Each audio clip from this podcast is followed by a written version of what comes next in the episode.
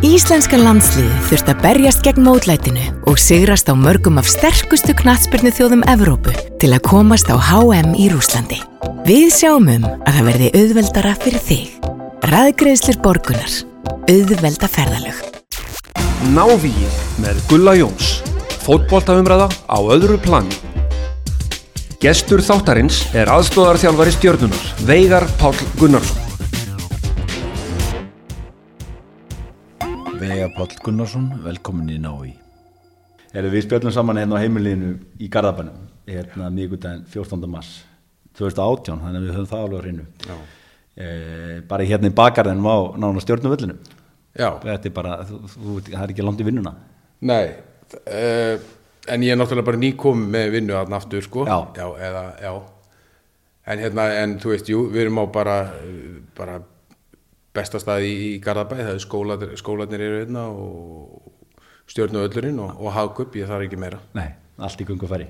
Eftir síðasta tímbil vegar þá ertu undir feldi að meta framhaldið sem að halda áfram fyrir leikmaður. Má segja, þú hefur svona fundið að þú hefur bara orðinni sattur. Já, það má eiginlega segja það, það má eiginlega segja það bara eftir seinasta leik að hérna, síðan leiði ykkur tími, ég var alltaf með í, með í kollinum á mér að, að- að taka eitt tíma byrju viðbót, en ég fann það bara eftir, eftir, eftir svona mánuði eftir að tímabilinu lauka að þetta er bara, nú er ég, ég er bara búinn, þetta er bara, þetta er komið gott, Já. það er bara, bara búið mikið að ganga á síðustu til dæmis þrjú árin. Fekk lítið að spila. Var einhvern veginn alltaf að halda í þess að vona að ég gæti þetta uh, á þessu hæsta leveli sem er hérna á Íslandi. En ég, ég bara áttaði mig á því að þetta er bara þetta, þetta var orðið gott bara. Já. Ég nefndi ekki lengur þessu hlutverki sem að mér var falið að- sinna að vera sko til, til staðar eiginlega ég ákvað bara eins og segi að- stoppa þetta Hvena færðu svo bóðum að, koma tilbaka í, í stjórnuna þá inn í, í, í þjálfarateimið? Líður smá tími inn í haustið eða? Já, var, ég var alltaf í, í sambandi við Loga sko, um áframhald uh, með vikingunum Aha. en uh, það var eitthvað voðalega erfitt að fá það í gegn síðan, síðan, síðan ringi Rúnar í mig, ég man ekki nákvæmlega hvernig þetta var Nei, rétt eftir áramótið eða eitthvað svo leis já. og, og hérna og, og segist vera uh, heitu fyrir því að fá mig í, í þjálfarteimið og, og ég var eiginlega bara uh, mér langaði það miklu frekar heldur en að halda áfram Mhm. þannig að það bara kom bara svona eins og hérna, ammæliskjöp bara fyrir mig og, ég bara tók, tók því Já. auðvitlega Hvernig hafa svona fyrstu mánuður í, í nýju hlutverki verið? Það gengur bara uh, rosalega vel. Ég er bara eiginlega að kynnast þessu sjálfur. Þetta er aðeins öðruvísi en ég bjóst við, sko. Eru, þú ert að sinna þannig sé allt öðru heldur en að vera leikmaður. Þetta er, þetta er svona, þetta, það eru tilfinningar sem þú þarfst að takast á við uh, hjá leikmönnum og, og eins og ég segi þetta sem að maður spáði ekki í þegar maður sjálfur leikmaður. Það eru eins og ég segi, það eru fundir og það þarf að spá, spá mikið og spekulera og, og púsla saman liðinu og, og hérna koma með forma sama tíma og þetta er, þú veist, þess að ég segi, en ég er að kynnast þessu og, og hérna, eins og er, þá gengur mjög vel. Mm Er hlutverk þitt innan teimisins, nú ertu alltaf með uh, Rúnar sem, sem, sem alþjálfari, Jón Þóra þetta líka fjallar, Markmars þjálfari, er þitt hlutverk svona, er það mótað, er, ertu bara með sóknamenn eða, eða, eða kemur þú svona inn á Já, það sem þarf bara? Já, það er sko það er, er eiginlega ótt að segja að það er hlutverkið byggt meira upp á þessi, þetta sem gerir sóknarlega sko. síðan er, er þetta náttúrulega bara líka þú veist að við, við náttúrulega bara það er alltaf gott að ráðleika sér við ykkur og, og hérna og maður er náttúrulega búin að vera lengi í þessum bransa og þekkir þetta út og inn og, og hérna en það er ekki bara sóknarlega það er, þú veist, ég fæ að vera með í öllu og hérna allar taka ákvarðanir með við allir saman þjálfara, þjálfara teimið Algjörlega. Er erfitt að, erfitt svona að kúpla sig út úr leikmanninum, ég meina, geta kannski ekki alveg farið í potti með strákunum eftir, eftir æfingar og, og svona hangið í klefunum, er, er, er það klefastemningi er klefastemningi sem, að- sem að náttúrulega, er náttúrulega ómissandi þáttur sem Já. leikmaður? Já. Ég Meina, nú, nú væntalega getur ekki alveg tekið það skref Nei, eins og þú gast. nei, það er alveg rétt þú þarft að kúpla þig algjör, eh, bara algjörlega frá því. Og það er svona, jú, það er erfitt sko, ég var alltaf mikill klefa kall sko mér var alltaf stemning inn í klefa og ég elskaði að vera inn í klefunum og, og var þar mættu snemma og var það lengi eftir, eftir æfingu. En hérna, þú veist, ég ger, ég ger mér bara grein fyrir því að það, þú verður bara kúplaði frá því. Og hérna sjálfsögur sakna maður þess. Það er hægt að finna klefastemningu annar staðar í bumbubólta og, og svona. Akkurat. þannig að hérna þú ert ekki alveg búin að tapa því Nei, ég veit að þið stjórnumenn þið tókuð frí eða, eða, eða gáuð frí í viku eða rúmlega það núna bara í februar. Það er eitthvað sem lið hafa ekki mikið gert hérna í Íslandi. Hvernig fór það fram? Er það heil vika án, án æfinga eða, eða, eða eru menn í einhverju, einhverju sjálfur eða? þeir fá eitthvað smá prógram með sér í, í fríið en það, þá erum við bara að tala um á þessum sjö dögum að, að það er rétt bara aðeins að hreyfa sig Halda sig aðeins við. Já, cirka þrjá daga af þessum sjö. Þannig að En hérna engar æfingar sem, sem hópur. Nei, engar fótballtæðingar hittust ekkert. Og ég, mér líst ótrúlega vel á þetta því að það er bara þannig að veist, við erum saman þessi hópur nánast hvern einasta dag á árinu sko, og, og menn að sjálfsögðu sko, verða, eða hvað við segja, jú, verða örlítið svona þreyttir á okkur öðrum og, og, og ef þú gefur aldrei frískilur, þessi helgafrí og allt þetta, páskafrí eða hvað það er skilur, það, mér finnst þetta svo mikilvægt. Og síðan náttúrulega bara eh, ástæða með þessu frí að þú ert á miðju undirbúrstíðanbili, það er, hausin er þungur á mönnum líka minn er þungur. Og svo er þetta basically að ég, menn dett, dett aldrei úr formi sko á einni viku en í móts við það hvað þú færða hérna, hreinsa hausinn og, og, og allt þetta þá finnst mér þetta bara ótrúlega sniðugt. Já, og og hérna, Rúna gerði þetta fyrra líka ekki? Já. Og menn þeir eiga þá kannski mögulega að fara í létta helgaferð út og, og svona aðeins að þurfa að missa æfingu. já, það er þannig það er, þetta, þetta er eins og segi þetta er bara til þess að hreinsa hans hausinn á, á, á leikmönnum og, og, og maður tekur líka eftir því að hérna, bara mann eftir fyrsta æfingin hérna eftir þetta frí mm. það hefur aldrei verið jafn gott tempo á æfingunni og, og menn hafa aldrei verið jafn ferskir mm. þannig að og er búið að vera þannig en ekki langt sinna Þið byrjuðu aftur? Já, þannig að mér finnst þetta mjög sniðut og þetta er maður líka búin að heyra af sko, þetta, ég held að þetta sé gert í hvort það sé Hollandi eða Belgíu að hérna, það gefið reglulega frí eina viku.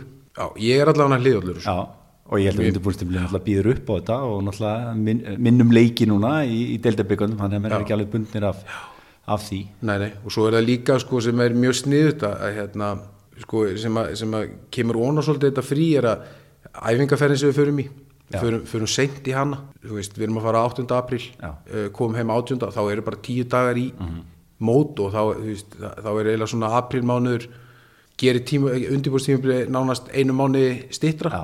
þannig að þetta er vel upplagt og þetta þetta er Rúnar búin að gera í, í, í langa tíma og, og mér finnst þetta virka vel allan þegar ég náttúrulega var leikmar mm. og, og mér finnst þetta sniðut núna sem þjálfari.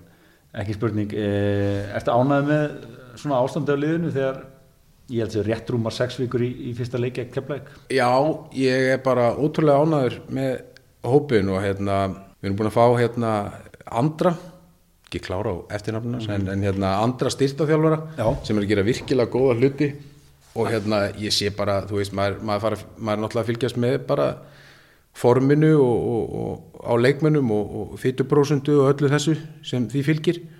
Og það er bara allt grænt.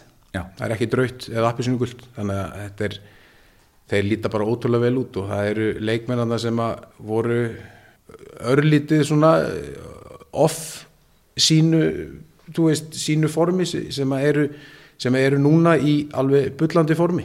Það er eins og ég segi, það er alveg ótrúlega jákvæmt. Það er svolítið svona eins og við séum búin að fá hérna einhverja nýja leikmenn, gæða leikmenn inn í hópin af því að, af því að með hvernig þeir líti út þessi leikmenn, ég ætla kannski ekki að nefna þá en, hérna, en þeir, þeir, það er, já, þeir líta mjög vel út Já. og, og hópurinn allir bara. Já, nákvæmlega, við ætlum að fara aðeins aftur í tíman vegar, ég held að þú sért 9 orðin 16 ára þegar þú spilaði fyrsta leik í meistarlokki eh, 96, þannig stjartan í eftir deild Já. og, og ég held að þessi tapamöndi val á heimavalli, mannst eftir þessum leik? 20, og- Eða manstu eftir hver- 22 ár síðan. mannst eftir þegar þú ert að koma inn í hópin svona, Ég, ég man eftir, og Já, ég man eftir þegar, ég man allavega, ég man mjög vel eftir fyrstu æfingunum minni. Og þá var ég á, sagt, ég held ég að vera á þriðjaflokksæfingu uh, á hérna Hofstaðarvelli sem er hérna aðeins í burtu, svo kemur hann hérna, eh, svo kemur ykkur og sækir mig og hérna keiri mig hérna í Áskarð og ég er bara hendur inn á meistarlokksæfingu sem var liðin, allavega ekki liðin svona 45 minnur af æfingunni. kemur á miðan einhver Já, hendur bara inn í spil. Ok, held ég að settur á vinstri kantinu eða eitthvað. Svo fæ ég bara boltan, sól upp alla völlin og skora. Já, ok. Herðu, og hérna og, já, og við vorum að tala um sólaði fjóra eða eitthvað. En síðan manni líka vel eftir því að næstir ég fekk boltan þá var ég svo tæklaður að ég, ég vissi ekki hvað snýri uppnið niður. Velkomin til leiks. Þannig að þeir voru kannski aðeins að hérna, vannmynda mig fyrst en, en síðan, síðan fekk maður að finna, finna fyrir Já. setna mér og, og já, þessi leikur á móti val. Ég held hann að verði þrjú tvö fyrir val. Já, Það og ég man ekki svo rosa, ég man ekki rosalega eftir því en hérna Nei, nei, en, en- en svona þarna er Þórður Lár, þjálfari pappi Sigadúlu ekki rétt? Uh, hann var þjálfari, hann gefur sjensin Va, varstu, þú horfið tilbaka varstu tilbúin í þessi átök? Þú segir að það hafi verið í þriðaflokki Til, jú, tilbúin sko með, með sko fótboltagæðin en síðan náttúrulega má alltaf deila um að ég hef náttúrulega aldrei verið stór og, og, og, og mikill sko með eitthvað brjálaða físík sko. Þannig sé sko, ég var náttúrulega bara eins og ég segi 16, 15 að verða 16 eða hvað það var en svona líkamlega þá held ég að vera ekki verið tilbúin sko. Nei. ég stóð ekki margar mörg návíin af mér 15 ára gammal þarna sko. En hérna, jújú, jú, maður hafði maður hafði alltaf fótbolta gæðin þannig sig í þetta. En hérna þetta, er, þetta var mikill munur frá því að fara af þriðarlóksæfingu beint á meistarlóksæfingu og þetta, þetta hafa bara allir gott af. Einhver tíma verður að gefa leikmunum séns og þeir verða að taka skrefið og, og kynnast þessu þannig að ég, eins og ég segi það, þetta, ég sé ekki eftir að hafa tekið svona ungur inn í meistarlókin ég sé þegar ég skoða fyrirlin vegar að, að þú spilar marga landslíki með 19 landsliðinu, 21 ás eh, en enga með yngsta landsliðinu, 17 ára. Tókum henni ekki eftir þér eða, eða nú, nú er klálega stjarnan vita þínum hæfileikum, takaði snemminn í meisturlokk og, og svo leiðis en, en hver er ástæðan fyrir það og spilar enga? Það var eitthvað að leikmenn fættir Já. eftir eitthvað. Eftir Man- 1. ágúst held ég að það verið. Já, hitt á þá, þá, þá reglu. Já, það, það hittir svolítið á þá, þá reglu sko, af því að þú veist, ég menna þeir voru þarna einhverjir tveir félaga mínir í, í, sem náðu þessu landsliði sko, en ég náðu ekki og, og hérna og, og var klár, klárlega bara alveg góður og þeir, ef ekki Já, já. jafnvel betri þó ég segi sjálfur frá. Já, já. ég vona allavega að það hafi verið þessi, þessi regla þarna fyrsta ágústregla. Einmitt. Og þá var þannig að þú varst á eldra ári í sjöðurlandsliðinu og varst fættur fyrir 1. ágúst, þetta er alveg fárulegt sko. Já. Þá, gafst ekki verið með ég, er- ég nöðt góðs þessar reglu Já. ég er eftir 1. ágúst þannig að hérna, Já, já. en þetta var sérstætt Já, þetta var sérstætt, en, en hérna, síðan náttúrulega hættir þessi regla og þá dettur maður inn í landsliðin og hérna náðu að gera alveg ágætt í sluti þar Já, nákvæmlega. E, það, er, er óstöðuleiki á stjórnunu þessum árum, náttúrulega frekar, frekar ungd, ungd félag, þið fallið þarna 97, mm. Goran Mitsik tekur við og þið eruð í bjöldildinni í tvö ár, 98 og farið upp 99 og þá ertu komin í stórt hlutverk, e, ég held sér 17 leiki 7 mörg þarna 99 í bjöldildinni þegar þið farið Já. upp. Má segja að þú svona verið meðvitað þarna um eigin getu að þú gæti farið lengra en að spila bara í Íslandi. Sko það var, það, það var alltaf draumur að spila sem atvinnumæður. Ég hafði meiri trúaði þegar ég var 15, 16, 17 ára en þannig er ég orðin hvað, 19 ára eða eitthvað, þá var ég hættur að spá í því. Ok. En einhverja síður þá gerist það held ég eftir þetta tímabil eða hvort það var næsta. Já, eftir næsta. Já, jú, ég viss alveg ég var fínn í fótbolta en hérna, ég, var allavega hættur að spá í því að reyna að koma mér eitthvað erlendis á þessum tíma. Ég tók eftir því að, að fyrir þetta tímbil í efstu deild sem þú spilar 2000 þá hafður þú sett markament í deildabikatum. Ég veit ekki hvort þú maður eftir þessu. 13 mörg. Mér rámar í Og- þetta. Og ég, ég, ég rækka augun í það að Míhal og Bíbisik og Tryggvi Guðmundsson þeir eru miklu markaskórar, þeir höfðu gert 11 mörg, það var metið og, og, og þú átti metið. Þú, þú hefur klálega verið að finna þig alltaf betur og betur. Já, já, eins og ég segi, maður er alltaf að þroskast og, og, og hérna, bæði líkamlega og, og, og upp í hausnum á sér. Jú, jú, það, ég, ég man eftir þessu að, hvort ég spila á móti í Keflavík eða eitthvað og þá fekk ég að vita að ég bætti eitthvað með. Ok. Þannig að ég var mjög stoltur af því þó, að, þó að þessi keppni skipti kannski í öllu máli nei. en hérna en jújú, jú, þetta er, þú veist, jújú jú, eins og ég segi sko, það, þú veist, maður vissi að maður var maður gati eitthvað í fótbolta og var yfir allan að meðalagi en hérna Það er aðeinsvært að, já, það er aðeinsvært að, að, að, í dag þá er lítið talað um þetta, allavega hefur lítið borið upp, þetta upp að, hver, er, hver er á þetta met og, Já, og svo frammeins að það væri gaman að vita hver, hver hérna, hvort þú átt að ennþá. Já, ég- held að sé, sé ekki ólíklegt, sko. það verið gaman að komast að ég var, ég var til að vita hvort ég ætti það en þú Já, en þessu, þessu líði ykkar hérna 2000 þá eru, eru hérna nöfn ungir leikmenn sem er að, er að koma upp og, og eldri, þannig er Valdemar Kristófes að kannski klá- klára sér fyrir þannig þú, Garðar Jó, jafnaldri ykkar Áskir Gunnar sem fór síðar í FH mm. eh, Raki Átnær hann, Rúni Páll svo eru fjóri júkar eftirmillunar þessi, þessi Hafsend, þannig að Vladimir Já, Sandulovic. Sa- Sandulovic hann er í stólhuturki og Goromitsik sem, sem þjálfari. En niðurstaðan er fall Já. þarna, og voruð ekki með nógu gott lið það heldur við það Nei, ég held að það sé bara eh, bara klálega það. Við, ég held að við höfum ekki verið með nógu gott lið. Svo, svo, svo er náttúrulega munurinn til dæmis þarna og núna á stjörninni Já. þarna höfum við nákvæmlega enga trú á sjálfum okkur sko. Nei, uh, með okkur er núna í dag sko. Ég liðið held var að okkar niður og upp og, Já, og svona, ég, ég held að það ég held að, ég held að við vorum á þessum tíma þá vorum við einhvern veginn bara sáttir við það. Mhm. við vorum hann að komist upp í Pepsi Stemning. en hérna eigum við ekki heima. Nei, nei. þannig að við förum niður, hérna erum við góðir það var svolítið hugafarið já, þannig að veist, það er, það er alltaf kunst að komast yfir þetta. Þannig að ég veit basic minna að hugafarið hafi bara verið e, rámt Já. á, á þessum tíma. En þarna man ég mjög vel eftir að þú skorar mjög eftirmildt mark móti breyðablík held ég það hafi verið hérna á stjórnuvellinum það sem hún sóla bara hefur hvað var það, fimm eða já, Sex. ég, man vel eftir þessu marki það, hérna- það var mikið sínt allan, það var alltaf svona markasirpur sko, þrjú bestu mörkin í, í Já, fyr, já. fyrir umferðið eða hvernig það var sko. já, já.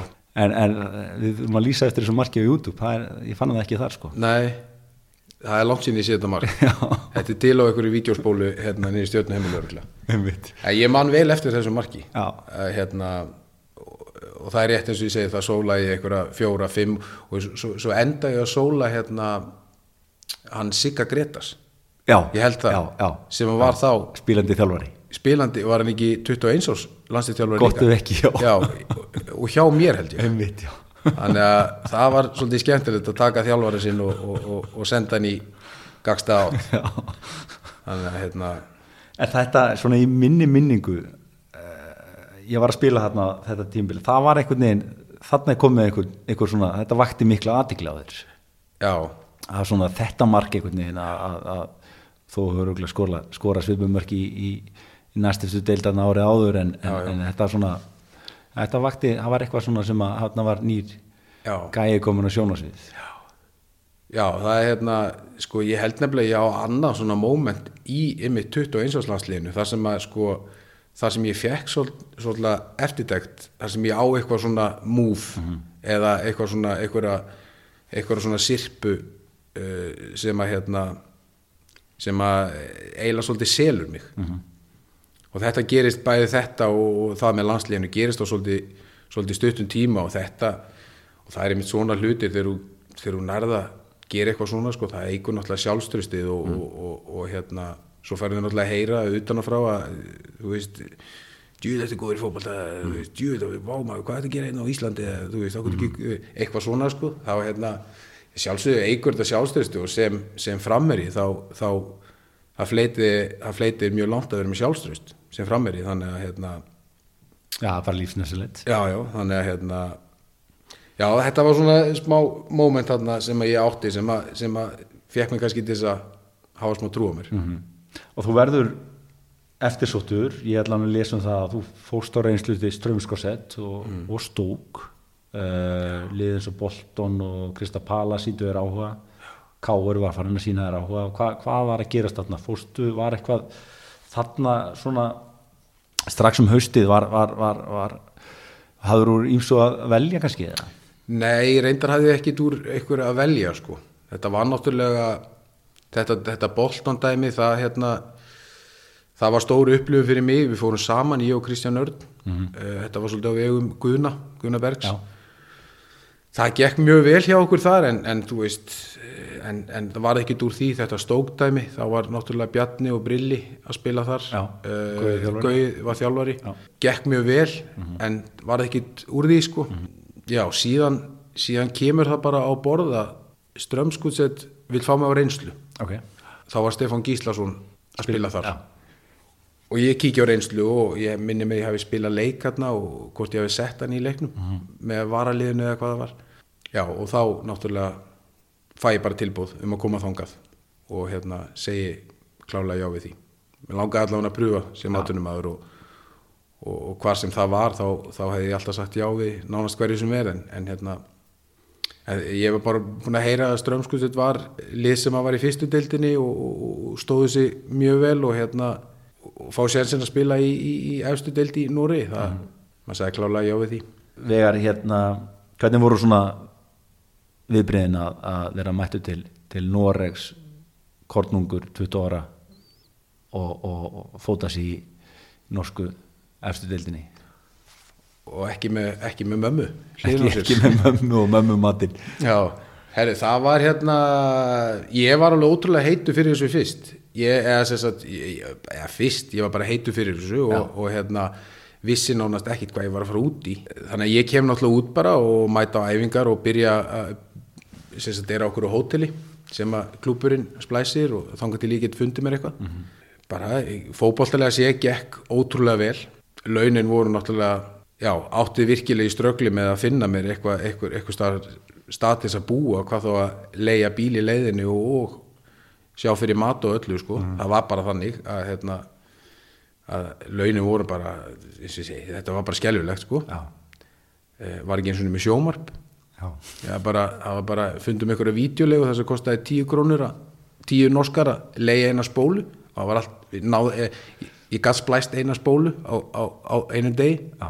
Já, já, það, þú veist, jú, jú, það gekk vel það, hérna, fótboltalega gekk mjög vel og, og, og náði að vinna með fast sæti í liðinu og hérna verður náttúrulega að taka það fram að ég fekk náttúrulega endalus að hjálpa á Stefáni Gíslasinni Já, og, hann- og, og Hörpu akkurat þau eru hann búin að vera í einhver tíma og, Já. hérna búin að koma sér aðeins betur fyrir en við en, en, hérna, en þau hjálpuðu okkur alveg endalus mikið og ótrúlega þakkláttu fyrir það annars hefði ég sennilega verið farin heim eftir sennilega mánuð Já. en síðan kemur að því uh, cirka mitt tímabil að ég næja að rista brotna. Búin að vera já, bara í gifsi og allt þetta. Og svo, svo þegar ég er búin að vera í gifsi í hvað, einn mánuð, einn og hálfa mánuð þá er ég að var að fara að losna við hægjurnar og allt þetta. Þá er ég hérna þá er ég svona inniskóm heima á mér og er að hoppa yfir eitthvað þröskuld. Næja að krækja inniskónum í þröskuldin ok, og, og enda með að ég þurfa, þarf að stíga í löppina lendi bara á löppinni og næja að brjóta aftur upp já ok sama brot og nýja aðgerð þá það Nei, það var ekki ný aðgerð, það var, þetta brotnaði það fínt að þetta myndi bara gróa samanskilur. Þannig að ég, en einhvað síður, það bara var aftur, það bara var ég komin á núlpunkt með, með þessi meðsli. Og svo bara, svo, svo kemur að því að ég bara eiginlega grát byggð á, hvort ég megi fara aftur heim. Já. Af því að ég bara, ég, eins og ég segi, peningalega séð, launalega, náði ekki að, náði ekki að lifa þarna, sko. Nei. Þannig séð. Þa, það er með eftir, eftirminnlegt að í byrjun ás hann 2001 þá, þá erum við saman í landsliðinu og, og förum við mikla æfindarferð til Indlands mm. þá varst ekki búin að vera lengi hérna Nei. en ég man að þú kvartaði mikið að, að, að þú ætti bara í erfylgu með að, með að ná endur saman sko. þetta Já, var já. bara þannig launin greinlega verið þannig að, að, að þú varst bara í basli Já, og þarna var ekki komið langt, langt liðið á, á, á, á þinn samning Nei, algjörlega, ég var bara í algjörðu strögglu og ekki nóg með það, svo er, svo er sem sagt, þegar þú kemur fyrsta skipti til Noregs, þá þarf það að upplifa einn launalösan mánuð. Já, en færð góðs notaði árið eftir, af því að þetta kallast, eh, man ekki hvað þetta heitir, þetta er svona skattfrjáls mánuður, eiginlega, sem sagt, þá árið eftir. Já. Ég vissi ekki þetta því, þannig að með þessi, þessi hérna, laun sem ég á með, litlu laun, þá, þá fæ ég að upplifa einn launalausan mánuð. Og þá var náttúrulega bara þurfti ég að ringi mömmu og fá lánaðan pening og, og bara til þess að lifa sko. Já. þannig að hérna það er Stefán Gíslason og, og, og Harpa hafa, hafa við vorum duglega að bjóða okkur í mat. Ha. og redda ykkur. Já, við vorum, og svo ef við vorum ekki mati á þeim þá var það bara einhverja núðlur. Já, nákvæmlega, þetta var endalega lærdófsríkt. Ja, mjög mikið og það er einmitt þetta í boltunum að, þegar að hlutinni gangi ekki hjá þér eða þú, þú lendir í einhverjum mótbyrði eða eitthvað svoleiðis þú lærir svo mikið að þessu en það var ég líka þroskaðist ég um helling fyrir bara að vera að fara það nút Já, en hvernig er staðan á þér þá haustið 2001? Þá, þá, þá ertu búin að fá, fá leiði frá, frá stundinskrutt að hreinlega bara fara heim þá? Já, þá fæ ég bara leifi. Þeir, ég held að þeir, það, er, það var líka mjög fallega gert að þeim að, að átta sig á því að, að hérna, í staðan fyrir að vera eitthvað að þvinga mig og veist, ég, ég hefði hvort aldrei spila vel ef ég hefði verið þvingar að vera þarna. Þannig að ég finnst segi, ég fekk leiði til þess að uh, fara heim. Hvernig var reynslegin svona áður úr meðist af norska boltana, hvernig gekk þér? uh, Ertu að meina bara eftir ég kom út til Já, já, já, þú nærði það ekki í byrjun tímbilsins eða ekki nærði ykkur um leikjum? Jú, einhverju 14-15 leikjum. já, já, hvernig var svo reynsla að svona, varstu tilbúin í, í þessi átök? Já, mér fannst það. Mér fannst ég vera tilbúin. Það gekk ótrúlega, ótrúlega vel. Spilaði þá sem eh, kallast á norsku indri löpir, Mhm. sem er þannig segilega miðumöður. Já, er e- e- eitt djúpur og svo tveir svona Já. innri löparar, hægur, Já. og vinstri Já. Svona box to box skæi Já, svolítið þannig. Já, Þá var ég líka í góðu formi, sko. já, en hérna, já, byrjaði þar og það gekk bara fáránlega vel og, var orðin auk, föst, tók öll föstu leikadrið og, og hérna, var orðin svona bara, Kunni, bara vel metin að Já. sem fótboltamaður. já Ég held þú að sagt við norsk blöðu þarna ef ég er því áfram í drammen þá var ég ekki góðu knæsmiðumæður að það kannski spila inni að, að, launin og annað Já, það gerði það, klárlega. Plús það náttúrulega, hérna, eins og ég segi, kannski hef ég fest í þessari stöðu. Orðið einhver innri hlaupari eða hvað það sem það heitir. Þú vildi vera framar og kannski svona sem við þekkjum í svona frálsi, Já, maður var náttúrulega alltaf sender sko þegar maður spilaði í stjórnunni eða þá Já. framlengjandi miðjumæður eða, en eins og ég segi, að, það, ég kann samt að meta fólki þarna í, í strömskuðsett og, og hérna, þau, þau voru voðalega bara þægilegu og góð við mig og hérna og það er svo mikið vett þegar leikminn er að fara ungir út sko Mhm. þannig að, að, að fá umunun almennilega þannig að ég sé ekki eftir að fara út þó að hafi ekki gengið eins og, eins og ég vonaði. Nei, þú varst að heimleið og ég las allan í blöðunum að það voru mörglið sem vildu fá þig. KR, Fylgir, IBF, Skægin hvað, hvað var svona í gangi? Já, ég manna eftir þetta, eftir þetta hérna, strömskúsi dæmi þá, þá fór ég bara með ákvæði að skella mér út með hérna vinni mínum, fóru til Kanaríja Ok, fyrir hvað pening veit ég ekki af því ég átti enga pening þarna. en við náðum því allavega og hérna, þar var ég hérna, það, svo ferð fór svolítið í bara símónum eh, að ræða við hinn og þessi félug sem voru stanslust að ringja mm. en það er alveg rétt, það voru nokkuð lið sem að, hérna, sem að vildu fá mig og hérna, svo er það bara K.R. heitlaði mig bara mest já, náttúrulega nýbúin að upplifa hérna í stjörnunni að K.R. var búin að meistari og, og ég vissi að hlutinu voru ekki alveg að ganga árið eftir hjá þeim og, og, og mér fannst það bara skemmtilegt skemmtilegt challenge að fara í stór, stórveldið K.R. og, og hérna, reyna að byggja aftur upp. Þannig Viljum Þór orðin þjálfari, eins og þú segir þá hafi liðið allir miklu vombriðum hann 2001, ég held að það var bara nálega að falla. Endur í áttundasæti, hvernig var að koma inn í KR hann á þessum tíma, þennan vetur? Bara mjög þægilegt það var hérna vel tekið á mótið mér og hérna svona kynnist strákunum bara ótrúlega fljótt og, og hérna er partur af hópnum bara voðalega fljótt. Viljum þægilegur og, og hérna þannig að það var mjög, mjög bara gott að koma í káir ég var bara stoltur af sjálfum mér að, að fá að spila með á þessum tíma að fá að spila bara með stórveldi káir -hmm. það voru ekkit sérstaklega mikla væntinga fyrir þetta tímbil hjá KR ég man allan að Viljum náða að tala það niður. Liðið var vel skipa held ég. Því ykkur er spáð fjórðarsættur frá þessu, þessu álegu fyrirlega og forraðamann að spá þetta Deva hafi spáð ykkur fyrndasæti vissu þið mannst eftir að þið varu með lið til að fara alla lið lið hafi verið Íslamestri 99 og 2000 og, og margir leikmenn hafði ennþá. Já, já ég veit það ekki, það er náttúrulega, þú veist, ef maður leiti í kringu sig, eða þegar við litum bara í kringum okkur og horfum á hérna liðsfélagana sem við erum að fara að spila með þetta tímabil jú, jú, að sjálfsögðu vissu við að við, við erum topp þrýlið eða eitthvað svoleið, sko. En síðan var það náttúrulega þetta með að hafa verið í áttunda sæti, ekkit með, ekkit með rosalega ósveipaðan hóp árið áður að vera í áttunda sæti, þá náttúrulega eins og segi maður vissi ekki að ef blaran sprungin eða, eða hvað það er. Þannig við fórum, við fórum inn í þetta tímabil held ég bara stressfrí bara. Engar væntingar við, vissum, við fórum bara við vissum ekki neitt sem að var kannski virkilega þægilegt að gera. Að vera ekki með neina pressa á sér þannig sér sem vera að spá fjórðasetti, fymtasetti það er fyrir káer, ég held að sé þægilegt bara. Ákveð motivation líka, hérna eru margir sigurverar Já. í, í, í liðin og menn ætla náttúrulega ekki að fara í sömu leið og árið á undan. Nei, nei, Willum ná- Nýr. Já, Viljum Nýr og það Viljum á gríðlega stóran þátt í þessu. Hann, hann bara einhvern veginn náði að náði að taka hennan, hennan púka úr strákur, eða þú veist, úr hópnum bara og, og, og gera okkur aftur að svona sigurvöðurum Já, þannig að hérna, þú veist, og jú, jú, síðan, síðan þegar við byrjum að spila og þá sjáum við að liðið, liðið bara small saman, við vorum bara með gott lið og við vorum að finna hvern annan og höfum bara trú okkur öðrum, hver og einn. Og, og verkaskiptingin var bara ótrúlega flott flott þarna. Og það er svolítið það sem þarf til að vera Íslandsmeistari og, og unnum þetta hvernig var það? Já, við erum rétt unnum þetta þarna þetta árið Já þegar, þetta er fræguleikur já, þegar að þyrlan flög á skaganum. Jú, Já, þarna, jú, jú, þarna, þarna hafði fylgir Pálmann í höndunum, þeir, þeir áttu leik upp á Skaga. Þið voru að heimaðli gegn Þór og, og þurfi sigur og fylgir tapi annarkvæmt stigum, jættefli eða, eða, eða, eða tapi á móti, móti Skaganum.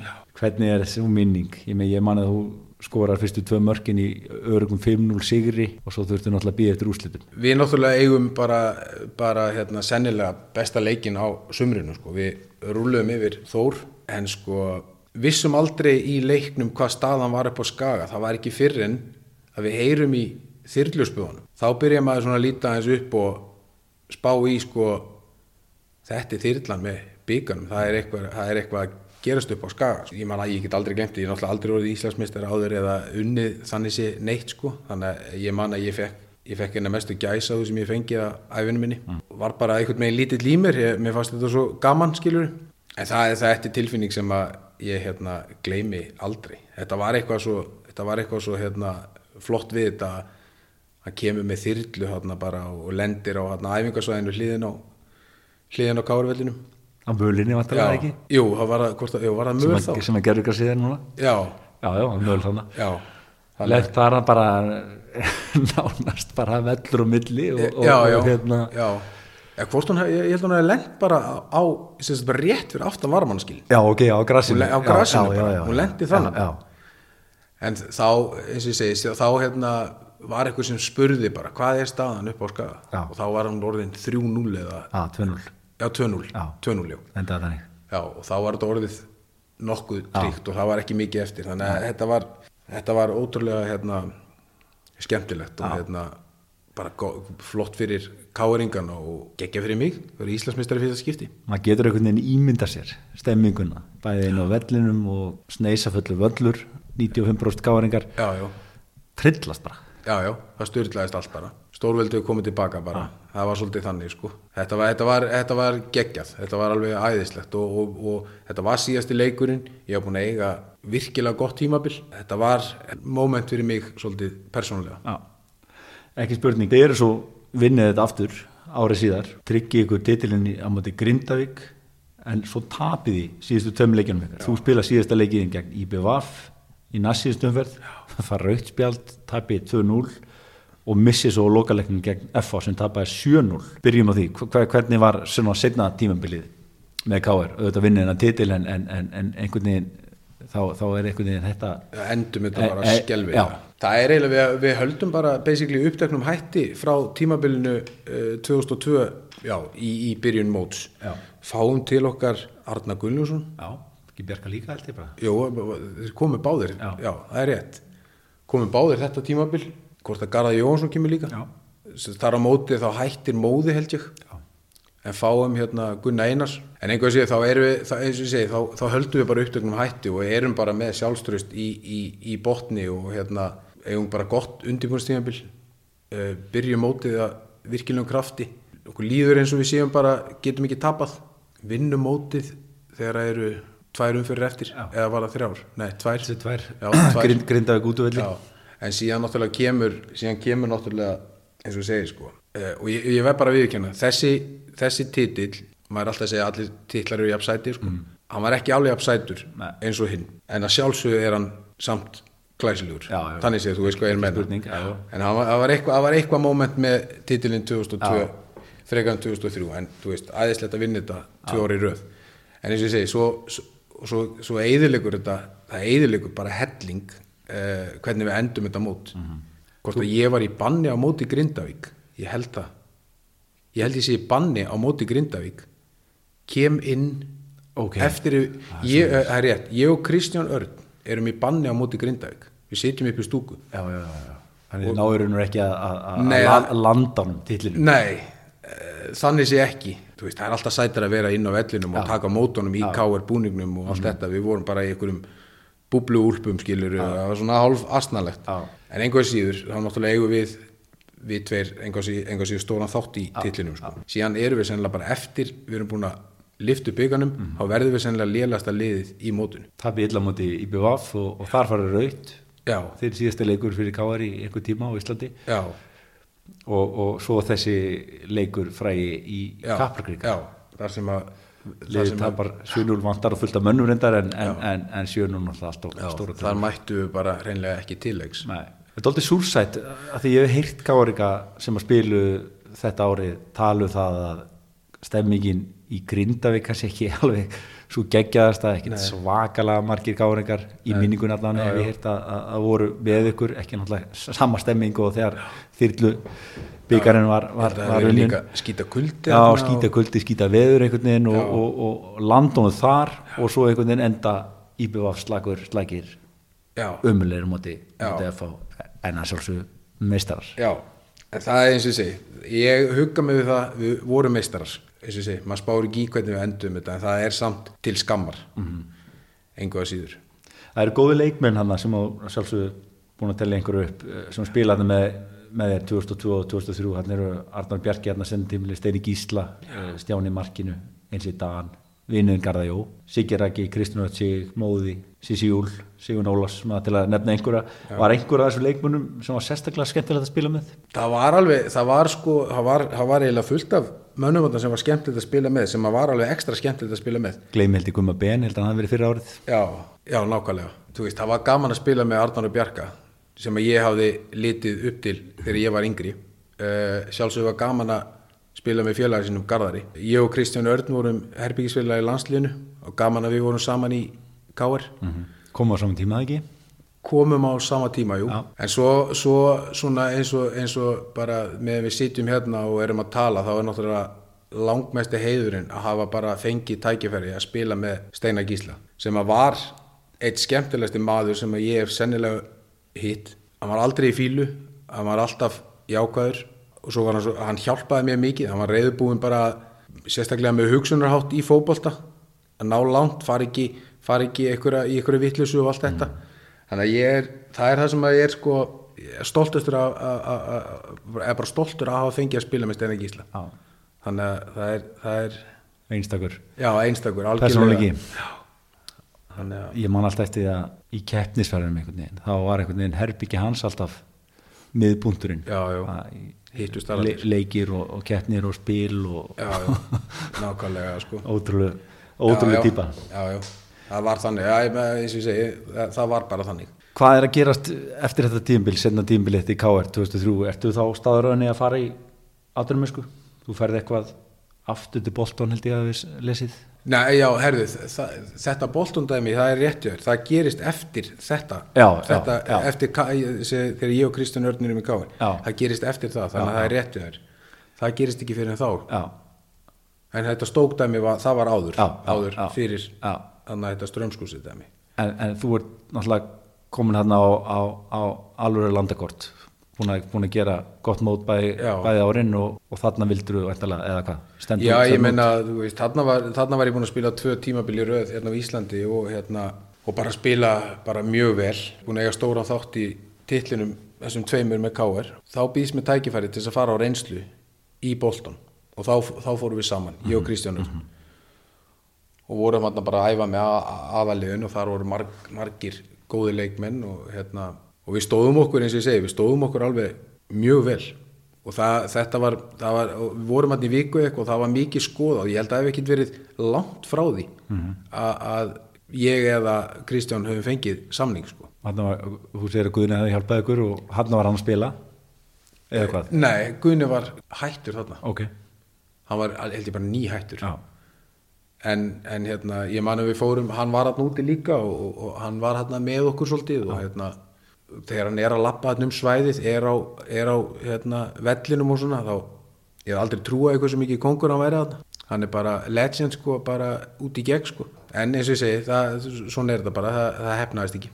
En hvað var hann eða stöðinni þá kemur þetta Stabæk dæmi eftir, eftir þessa ferð. Já, ég held með þess að ég hafi ekki farið út í reynslu ég held ég hafi bara verið farið beint, okay. verið trubla, ég, ég, ég sé reyndar að þú hafi gert nýjan samning við Káar 2003 nú var það. Já, en, en Stabæk klálega tilbúinir að- hjóla í þig.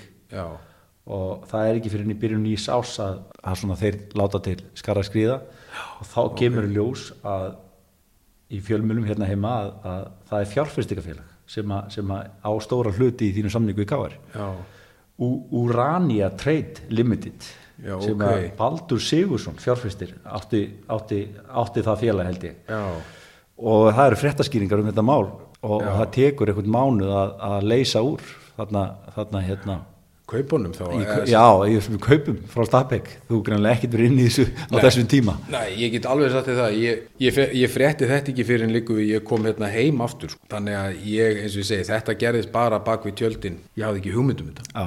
og það er Óskar Rapp Þorvaldsson sem að nú er þetta þjálfari gróttu sem að, sem að er hérna að skrifa fyrir Devaf og, og hérna og hann segir hérna að komið kauptilbúið leikmannin getur fjárfestur, fjár, fjárfesturinn ákveðið að taka því burtséð frá fjárhæð þess. Kaupverið skiptist þannig að fyrst var fjárfesturinn greitar 100 norskar síðan skiptast eftirstöðunar að strömskossitt var 20% káar 20% og fjárfesturinn 60% Já, já. þetta er greinlega verið, verið eitthvað, eitthvað málið og, og greinlega tengist káar Já, það er, það er hérna það er augljóst, en, en, en káar og Stabæk ná, ná sáttum og, og, og hérna og, og greinlega þessi fjárfestir og það er allt klárt þarna 13. mars 2004 þá ert þú tilkynntur leikmaður Stabæk og gerir þryggjára samling hvernig voru svona fyrsti skrefin í Stabæk? þau voru bara fín, byrjaði, byrjaði bara krafti, uh, fótballtalega séð, það var svolítið að sama, ég var ekkert með fyrst, fyrsta, hérna, já, svona eiginlega fyrsti samlingur minn Erlendis fyrir utan náttúrulega þetta strömskursi dæmi, þannig að hérna, við, ég bjó í einhverju lítillu hólu þarna og, og hérna, og konaði með það? kona, kona var með Já, og hérna, alveg svo í ekki, þið voru tvö þar? jú, við vorum tvö þar, já, já. Og eins og ég segi, en það, það gekk bara vel fótballtælega séð, þanga til, það, en eh, þetta tímabil þá var ég svolítið inn og út úr liðinu Mhm. og, og síðan enda ég með að fá eitthvað, eitthvað, eitthvað í, í náran, hvað þetta heitir, gilmúrsgróin eða hvað þetta heitir. Og ég næpar ekkit að losa mig við þetta og ég næpar ekkit að beita mér 100% og, hérna, og, og er mikið á bekknum og, og, fæ lítinn sjens og, og hérna, ég eiginlega var farin að hugsa sömu leið eins og með strömskusitt byggjum bara að fá að fara heim og, þá, og þá er ég 100% örgur á því. Ef ég hefði fengið það þá hefði ég bara hætt þessu atvinnumanna dæmi. Þá hefði ég bara verið á Íslandi. bara og, gefið sagt þetta gott. Já, já. Og verið bara ágætis fótboltamaður á Íslandi. Liðið fellur. Já og svo, svo endar það með því að, að liðið sem að lendi í þriðasætti ári áður uh, og eruðu byggamestrar það við endum á því að falla.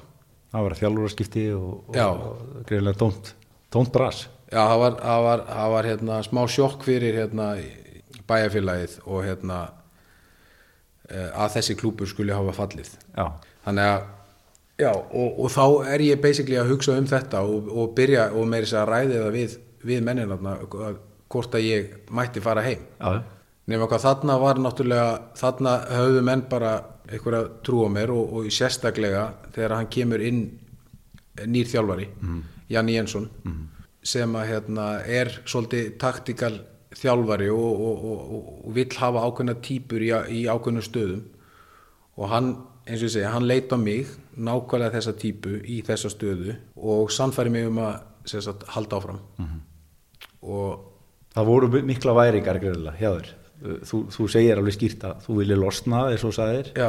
frá Stabæk og, og mörg íslenskliði náttúrulega komin. Já, já, Valur FH, KR fylgir og meira þess að segir fréttablaði hérna í janúar 2005 að, að Valur vildi bæði fá þig og frá Stabæk og Tryggva Guðmunds frá, frá að, þannig að það er ekki fyrir en Janni Jensson tekur við og, og sannfæri þeir hreinlega bara að, að, að, taka slægin í, í B-dildinni Já, hann þurfti, hann þurfti basically að segja við mig að, að þú ert að fara að spila alla leiki. Hann var hann var ótrúlega lungin við að byggja upp sjálfströst. hann, hann, hann, hann settist með mér á fund og hann útskýri fyrir mig hvað þú ert góður í þessu og hinnu og ég er svolítið svona, þú veist, byrjaði bara allt í henni að vaksa með vangi líku við, sko. Þannig að hérna, hann náði allan að samfara mig um að vera áfram og ég hérna, bara endalust takkláttu fyrir að hann náði því. Já. Þessi gæi, hann kemur frá hafi bæði verið hjá Ljungskilde og, og landskróna í, í Svíþjóð og, og greinilega mjög fær. Að mínum mati með fullri virðingu við alla hinna þjálfarna sem ég hef verið með þá er þetta besti þjálfari sem ég hef verið með á mínu ferli. Ekki, ekki bara það að því að, því að mér gekk vel aðna hann bara hugsar nákvæmlega eins og svolítið ég var í til í að dag að ég geti verið eins þjálfari eins og hann hvernig, hann hvernig hann er, bara það, er það taktíst eða, eða, eða bara hvernig hann nær til leikmanna Já, bæði. Já. Taktist hvernig hann sér fótbolta bara spilaðan, uh, bæði sóknarlega, varnarlega, hrikalega flott, uh, hvernig hann nær til leikmanna, hvernig hann, hvernig hann nær að byggja upp sjálfströst hjá leikmannum sem er mér veist endalist mikilvægt í fótbolta að þú vilt hafa alla mennina með sjálfströst, það er erfitt en hérna en hann var ótrúlega lungin í því að byggja sjálfströst hjá leikmannum, þú veist, mér þegar hann var þarna, mér veist, hann, hann rósaði mér svo mikið hann var, hann var næstu og mikið sko. hann rósaði mér svo mikið og hann talaði óbeint um þú veist að látum við eiga að fá boltan af því að hann, þú veist, leiðu hann fá boltan þá þarf bara eitt hlaup, þá bara komið mark af því hann er með sendingan þú veist, og, og maður hlustaði á þetta og maður bara mér, mér fannst ég vera bara ósigrandi liggu við. Lýstu fyrir mér hversu mikil kostu það var? Ok, þú ert búin að segja að þú er dottið inn á frábæna þjálfara en liðið fellur, þú farði einhvern veginn sviðið í verri dild það þarf ekki alltaf að vera slæmt að, að falla. með liði Nei. ef að rétti hlutur er í gangi hjá félaginu. Hver, hvernig þá? algjörlega og þetta, þetta ár þarna þegar við spilum í, í e, sem sagt Vitildinni bjötildinni í Noregi það er eiginlega svona lýsandi dæmi að stundum er bara gott að falla. Af því að þarna þarna er hreinsað svolítið til í hópnum. Uh, fengnir inn svona basically no names. Uh, en engu að síður réttu típunar uh, og hérna endum á því að vinna bjötildina bætum eitthvað stigamett bætum markamett í deildinni. Það var svo gott þetta tímabil fyrir næsta tímabil í þá efstudildinni. Mm. Þarna komum við inn sem nánast ekki með neitt þekkt nafn í úrvastildi í Norri, komum öllum síðan árinu eftir bara virkilega óvart. Hann fær með sér Gaia Svíja, Daniel Nanskog. Já, þið gerir samanlagt 40 mörg hann 27, þú 13 ég er ekki með stóðsendingafjöldan sem að þú gerir í þessu, þessu tímabili. Hva, hvaða gæi var þetta eiginlega? Já, að því ég, ég man eftir að hafa, hafa síð þetta nafn og, og, og, og, fréttir með þér og, og honum Já, já. um að þið varu geggjaðir saman og allt Já, það. En ég held alltaf að þetta væri bara einhver tvítur svíi sem var upcoming. En hann var 1974 fættur já, já, sex árum eldri en ég. já, sex árum heldur þú og Hann var, komin þrít, hann var þrítur held ég, þegar hann kemur í fyrsteldina. já, passar. Þetta var bara sigurvegari. já, algjör sigurveri, hann let heyra í sér þegar, að- þegar á þurfti. Hann vildi skora mörk, hann vildi skora eins mikið af mörkum á tímabili og hægt væri svolítið svona típiskur sendir, egoískur skiluru en hann setti alltaf liði fram fyrir sjálfan sig, alveg gjörsamlega og var, hann vildi aldrei vera fyrirlið en var algjör leiðtói Ok. og basically bara ef við förum aðeins fram í tíman að þegar hann stundum var þetta óþólandi að hlusta hann alltaf kjafta eitthvað, þetta er ekki nógu gott við verðum að gera svona, þú veist, eitthvað.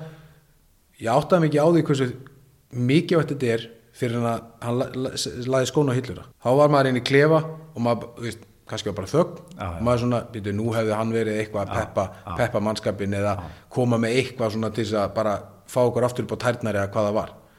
Mikil karakter. Mikill karakter og hérna frábær, frábær strákur og hérna ég og honum mikið að þakka, ég held að hann er mér mikið að þakka. Við náðum, náðum við náðum ótrúlega vel saman þess að mást að segja ég náðu skora 13 mörg ég held ég að vera með 17 stóðstíkar já, þetta tímabil, mm -hmm. hafa ekki verið svona 15 á hann, þetta var hérna svolítið bara eins og hjónaband þarna hjá okkur. en þannig er hann rétt rúmlega þrítur hvern, hvernig, hvern, hvernig svona framherja típa var þetta, var hann fljótur eða? hann var ekkert sérstakur hvað við segja? Nú segir maður fótboltamæður að kannski passar ekki. tæknilega séð já, tæknilega séð, þú veist öllum þessum fimm eða sex árum eða hvað ég spilaði með honum þá ég held að aldrei sé hann taka mann á. Mhm. Þú veist, ég held ég hef aldrei sé hann gera skæri. Það var svona listalöru típa kannski svona teik, teiknum e- já, hann var svolítið þannig. Hann var, hann var, hann var alveg ösku fljótur en það sem var kannski hans stæsti styrklegi var að hann hérna sagt hlaupin sem hann tók hvað þau voru, voru bara smart hlaupin hjá honum. Uh -huh. hvernig, hann, hvernig hann sker línuna. Hann til dæmis kendi mér eitt hann, hann stóð alltaf fyrir aftan vörnina. Þegar við erum að sækja, hann stóð alltaf fyrir aftavörnina Í rángstöðinni þá hvað séru? Í rángstöðinni í rángstöðinni Já. hann kendi mér það, ég notaði þetta eftir að hann hérna, eftir að bara hann gerði þetta, það er ég er búin að heyra endalust að það er óþægilegt að dekka mann, þú stendur í, í rángstöðinni, kemur síðan fram fyrir á réttu mómenti. Þannig að hérna, Ég get votta það. Já, nákvæmlega. Þá þarf hann alveg mann með sér sem sér þá þessi hlaupans. Hann, hann kemur í og er rétt stæður og, og er svo tilbúin að stinga sér aftur vantilega. Það var náttúrulega þannig, og ég segi, við náðum náttúrulega rosalega vel saman, en til þess að svona virk, þá þarf hann að hafa basically bara trú á mér. Þú ert það góður, þú, þú kemur með boltan alltaf. Einu sem ég þarf að gera er bara að taka þetta hlaup, þá er ég, þú veist, þetta, og síðan líka, þegar ég næja snúa, þá er ég að búast við því að hann er byrjaður að taka, þetta er svona bara, þú veist, þið verður bara að, hérna, hafa bara trú á hver öðrum. Virkilega, svona eiginlega bara virkilega trú á hver öðrum. Aðeinsvært samt að hann er orðin þrítugur. Já.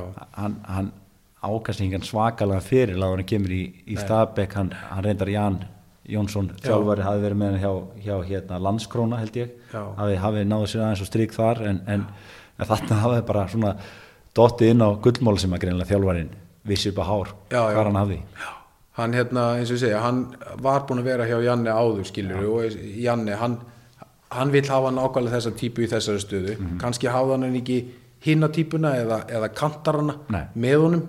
En eins og ég segja, allt þetta með Stabæk hann hann náði að setja saman í eitt, eitt lið sem að svín virkaði. Já, þið farið upp og, og, og árið 2006 að þá er liðið nýliðið náttúrulega og, og þið ljómaði finn tímbil endið í fymtasæti og þú nærðið sérstaklega vel á strík næst marka eftir með átimörk gerðilega haft gott að spila í bjödeldinni þú sagðir eitthvað að, að þú var eftir, eins og vittlisingur í veturinn. Var eitthvað sérstakt sem þú gerðir eða gera eitthvað öðruvísi? Það var ekki nema bara maður breyta eins mataræðinu. Já, En þú veist, jú það er rétt, ég, ég hef alltaf æft eins og ytlisingur og, og hérna og hef alltaf, hef verið sloppið vel við meðsli alla mér feril og allt þetta og hérna hef alltaf geta klárað heilt undirbúrstíðinbil og, og hérna en þarna þá breytti maður aðeins mataræðinu og hérna, já ég var bara þú veist, einhverjum svona, já, tveim, tveim kílóum léttari eitthvað svo leiði skilur já.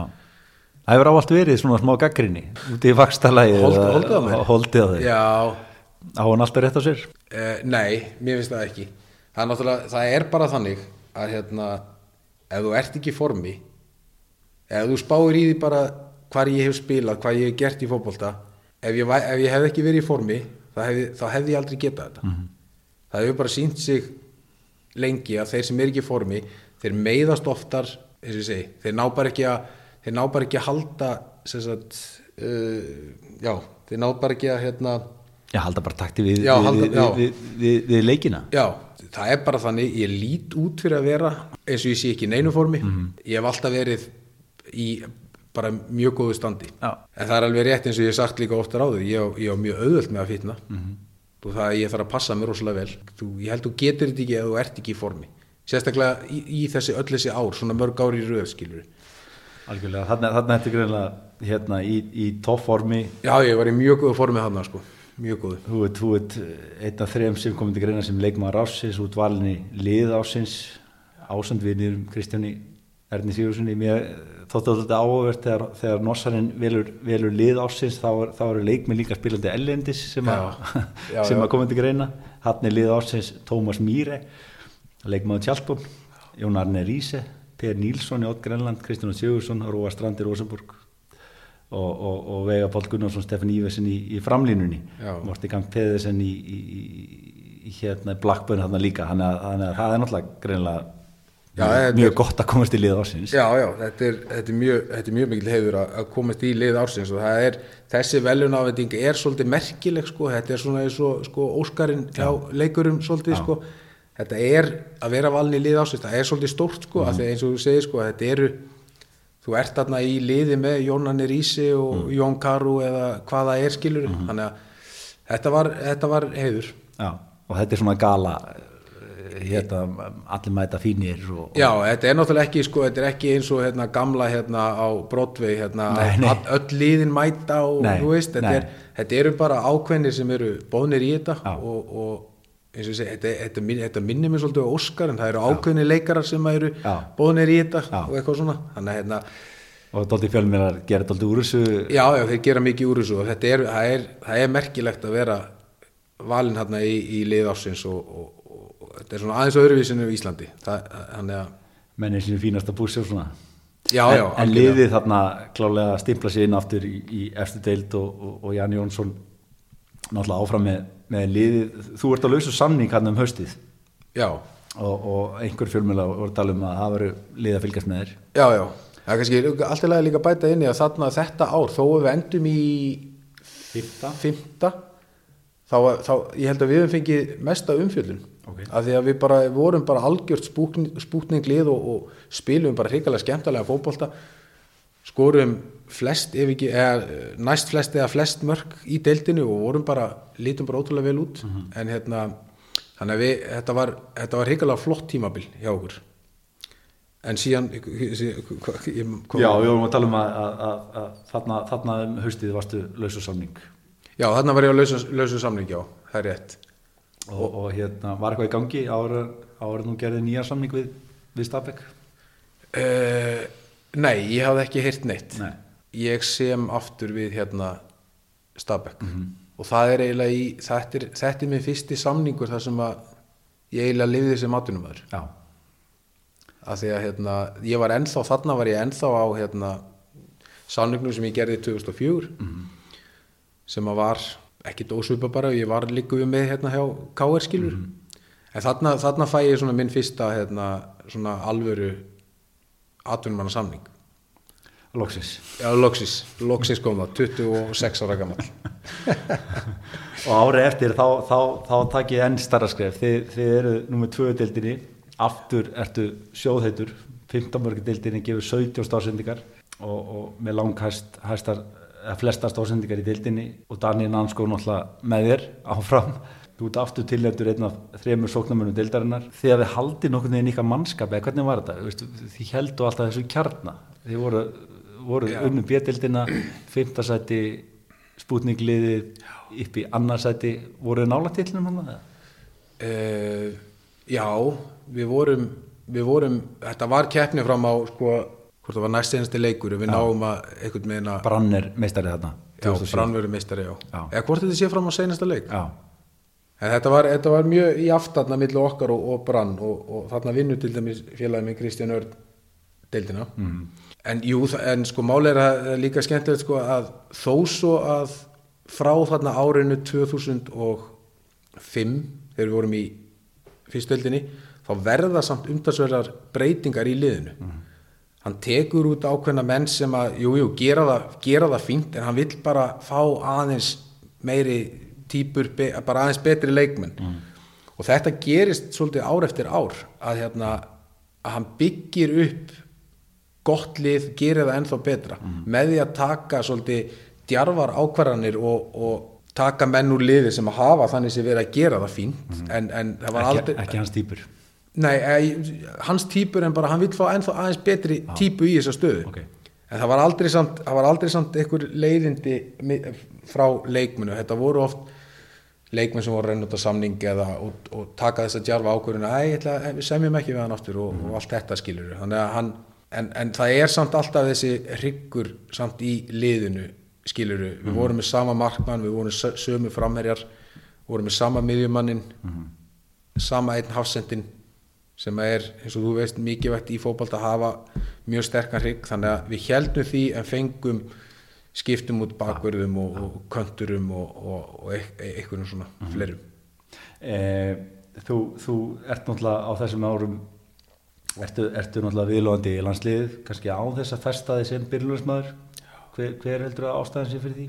Ég saði nú eitthvað staðar áður að það var mjög ópilegt að ég var uppi á sama tíma á Eðursmári Já, var að, ég, var í, já, ég var í Stabæk, hann var í Chelsea og Barcelona og einhvern svona liðum.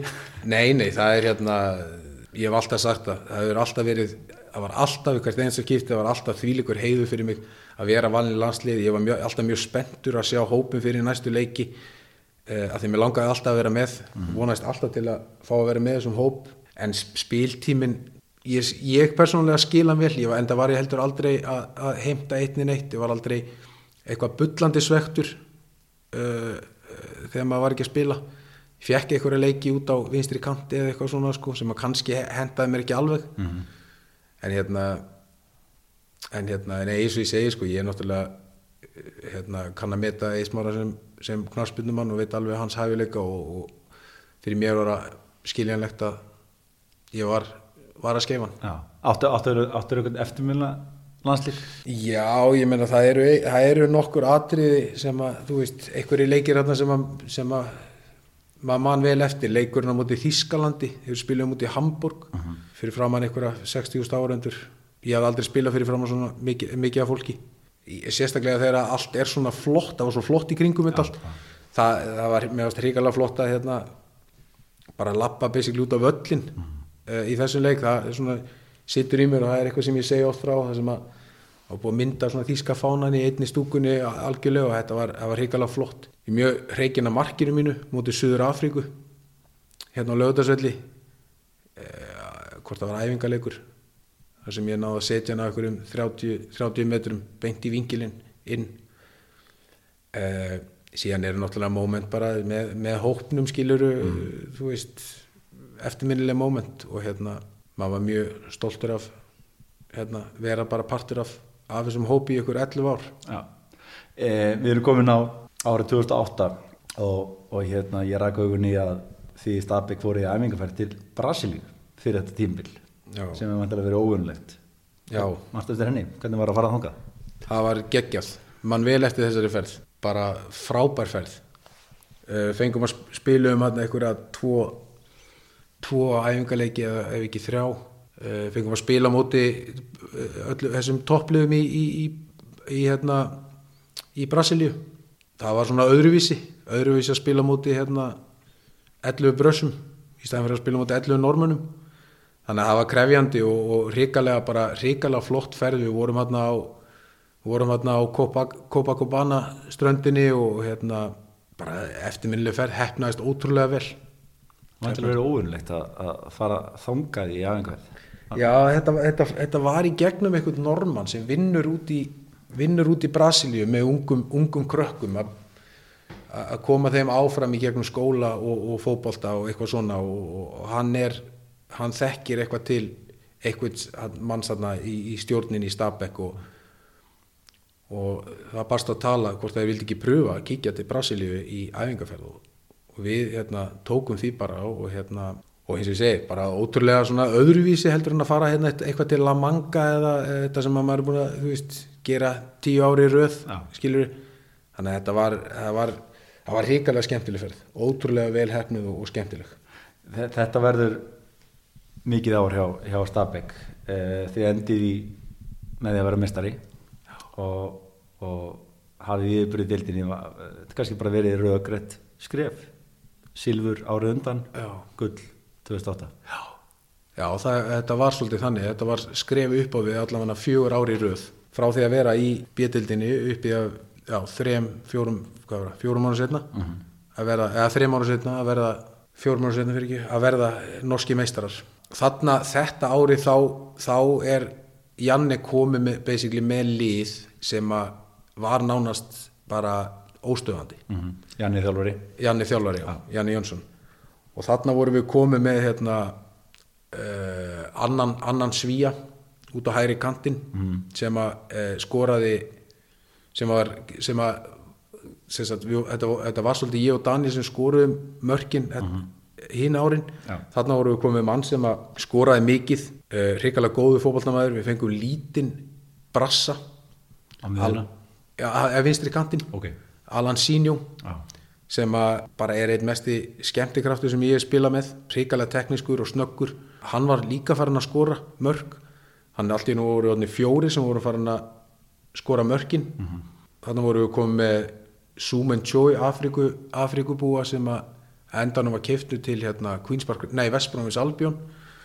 nei Vestbrómis Albjón uh, fengu til okkar annan svíja sem heitir Pontus Farnerud sem hafði spilað í, í, í, í frönsku deildinni lengi, Monaco og, og eitthvað svona. Þannig að fengum Christian Keller danskan leikmann spilaði, spilaði með Lazio.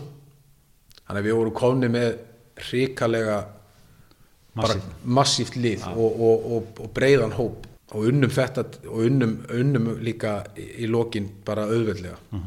Tiltölu auðvitað Hversu, hvernig var að, að vera mistari í, í Nóri svona í samanbyrði þess að vera mistari með Káir ég, ég myndi persónulega segja að það er náttúrulega aðeins meira afreg að að vera meistari sem Íslendingur í aðeins stærri deild en á Íslandi en, en upp á hérna upp á hversu, hversu sætt þetta var þá, þá þetta var bara mjög svipað eins og að vera meistari þannig séð 2002 að við vorum búin að fara við það að hann var aðeins sættan í 2003 Já, já, Þannig að þetta var, var hikalega hérna, gaman og vera partur af þessu liði og, og, og ég held að sé vera að tala með ennþá í dag þetta gæti jafnvel verið með Róseborg liðinu sem að vann þarna 11 ári röð.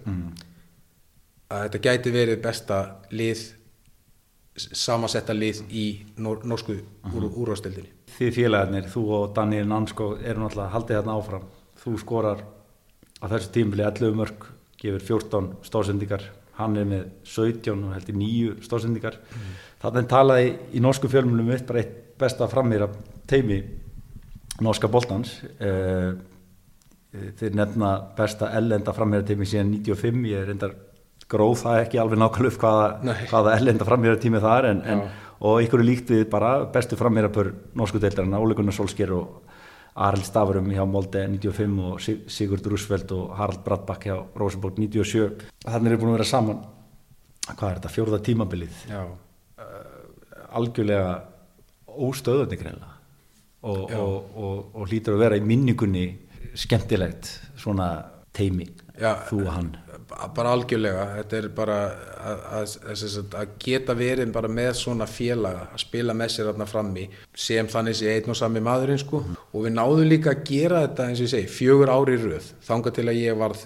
keiftur út. Við náðum að gera þetta fjögur ári röð og það er það er svolítið svona að vissuleiti afreg líka að geta náð þessu í svona langa tíma. Uh, að hvorur okkar átti eitthvað svona off-season tíma, eða off tímabil að hérna það sem að kannski maður skoraði bara sjömörk og laðið upp fimm, mm -hmm. skiluru kannski gaman að sjá að er, er þeir voru svolítið fastir á þessu hérna, köllu þetta poinglíkan það sem er lagt saman hérna, mörk og stóðsendingar og ég held að við höfum verið efstir þarna, eh, fyrir utan kannski hérna bétillina en klárlega og örglega þar líka efstir Já.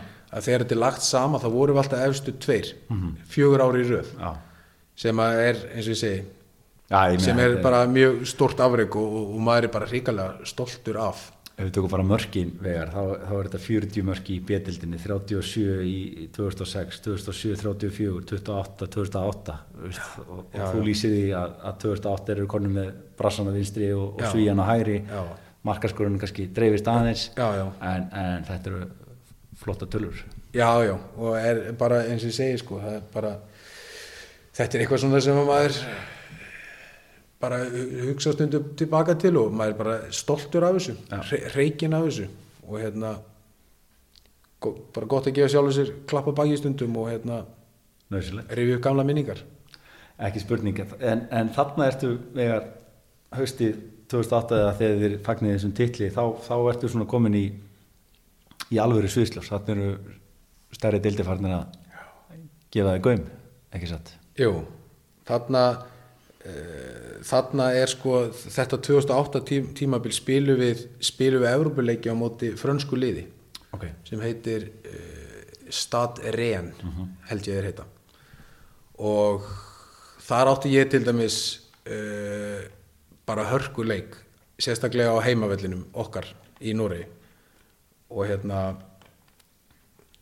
þar voru einhverjir, njósnarar að fylgjast með. Og ég held að það er sagt, ástæðan fyrir því að ég er keiftur til Fraklands uh, eftir 2008 tímabilið. Þannig að hérna og þá eins og ég segi þá, þá fannst mér ég virkilega komin á svona stóra sviði sko, þegar út komin í frönsku Ligue 1 þannig að hérna já, þú, þú, þú hérna það er greinlega einhver dóltil aðdrandi að, að þetta tekur smá tíma að, að, að, að, hérna að franska lið kaupi þig. E, þú hérna e, þetta, eru, þetta eru háar tölur. Ég held að við vorum að tala um 314 miljónir sem að, sem að, sem að hérna, þeir voru að díla um greinlega eitthvað. Já, já, og ég, ég rak augun í ansi skemmtilega frétt vegar að á tímabili hérna þegar þeir, þú veit orðaði við Nancy að, að þá eru þrýr frammerjar orðaði við félagið, Já. það er þú hollendingurinn Gerard Koch sem ég þetta þekki nú ekki mikið núna Já. en Robert Lewandowski Já. líka. Mannst eftir þessu? Ég man eftir þessu. Og þetta er eitthvað sem að, hérna, er bara gaman af sem að mér finnst að hérna, ég, þannig ég ég held að ef hann, hefði farið hérna í staðin fyrir mig þá er hann týndur í dag. Já, þannig að ég, hann ætti svolítið mér að þakka. Þetta er Lewandowski frammer í bæmungin, þetta er hann á mála hjá Lech Postan í, í Pólandi og ekki Já. alveg sama stjarnan er í dag. Nei. Þannig að hérna, það er, mér finnst hrikalega gaman að þessu sko, hérna, ég frétti ekki að þessu fyrir einhvern tíma setna að hérna, ja, hann var þannig sé ekkit nafn þannig sé sko, en í dag er hann náttúrulega eitt besti framherri í heiminum og þannig að það er eins og ég segi, það er bara gamla að rifja svona upp og hérna, hann er mér að þakka. Já, já, þér að þakka.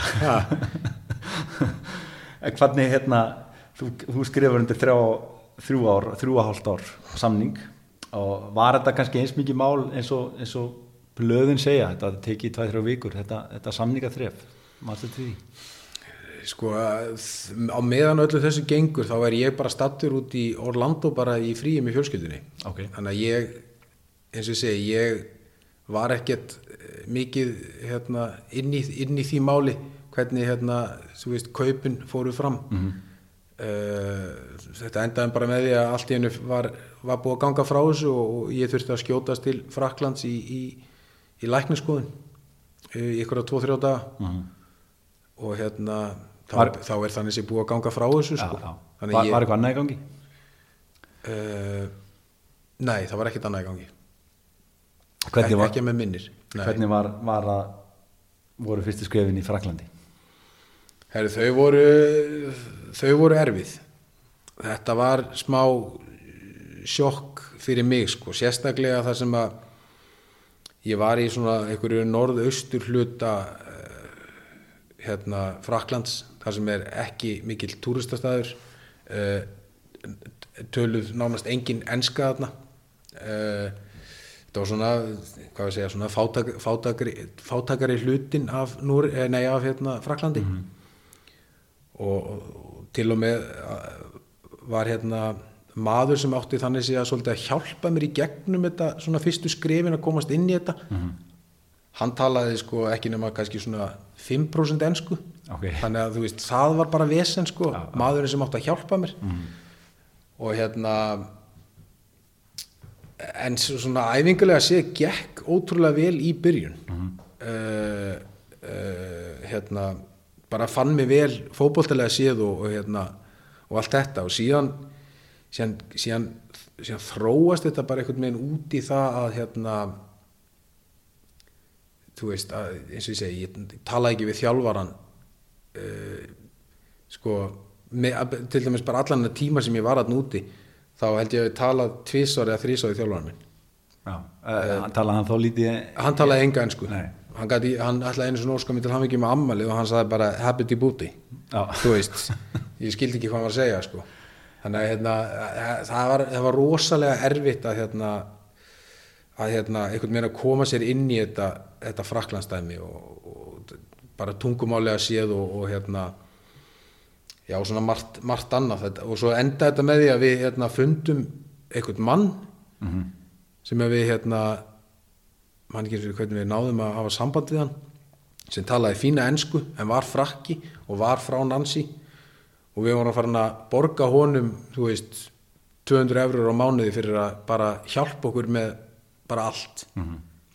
Hitt og þetta bara, þú veist, við þurftum bara aðstóð Þannig að það var ekkit klúburinn sem að, sem að útvega hann, það var bara þið sem að einhvern veginn fundað hann. Já, það var, það var þannig sko og hérna, þannig að eins og ég hef alltaf sagt, ég held að klúburinn sé bara ekki klár í að eins og, eins og þeir voru stattir þarna, þeir eru bara ekki klárir í að fá leikmann sem að er, talar ekki frönsku.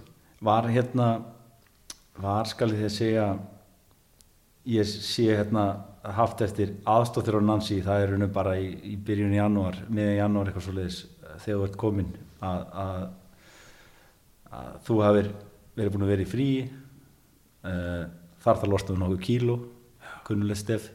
Uh, segir Pól Fisser á, á heimasíðu félagsins við þurfum að sína á þólum með hann virðist vera góður klálega góða leikmaður við, við fyrstu sín hafið þetta eitthvað með hlutin að gera að, að þú Orlando eins og þú segir og svona. Já, það er alveg rétt sko, ég var náttúrulega, ég þurfti náttúrulega bara losa mig við nokkuð kíló. En, en gerði það á einhverjum einum og hálfu mánuði á þessu undirbúnstífumbili uh, var, var, á, var á séræfingum var bara, já uh, var fylst vel með mig bara. Síðan, síðan eftir eins og ég segi einn og hálfa mánuð, þá er ég bara komin í rétta kjörþing, þú veist, sömu þingd og ég er búin að vera öll þessi ári í Stabæk og, og, og eitthvað svoleiðis, þannig að hérna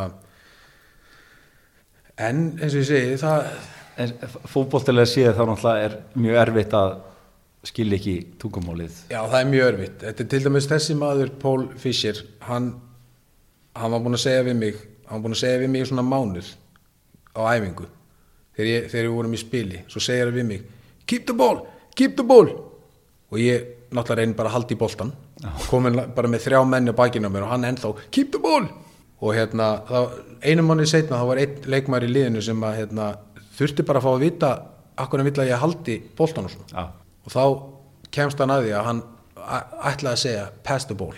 Já, þannig að, þú veist þannig að þetta er svona, þú sér hversu erfiðir hérna tungumála öruleikarnir voru þarna það er, er aðeins betra að, að, að hafa þessi skilub á, á hreinu. Hver, hver er ástæðan vegar að, að íslenski leikmenn hafa átt er- erfitt uppdráttar í frösku deildinni? Er það þessi kultúr, kultúrmunur heldur já, ég held að, ég held að það hefur mikið að segja að hérna, við náttúrulega erum svolítið sko léttir og, og hérna kátir kallar við Íslendingarnir og, og viljum, viljum hérna hafa hlutina viljum hafa þægilegt í kringum okkur og gaman í kringum okkur þegar við spilum fótbolta. Við erum náttúrulega svolítið aldur upp við það hérna í okkar áhuga manna deilt hérna á Íslandi að það, þú veist alvarleikin er ekki alveg eins hérna og, og, og hann er út í stóra heiminum sko.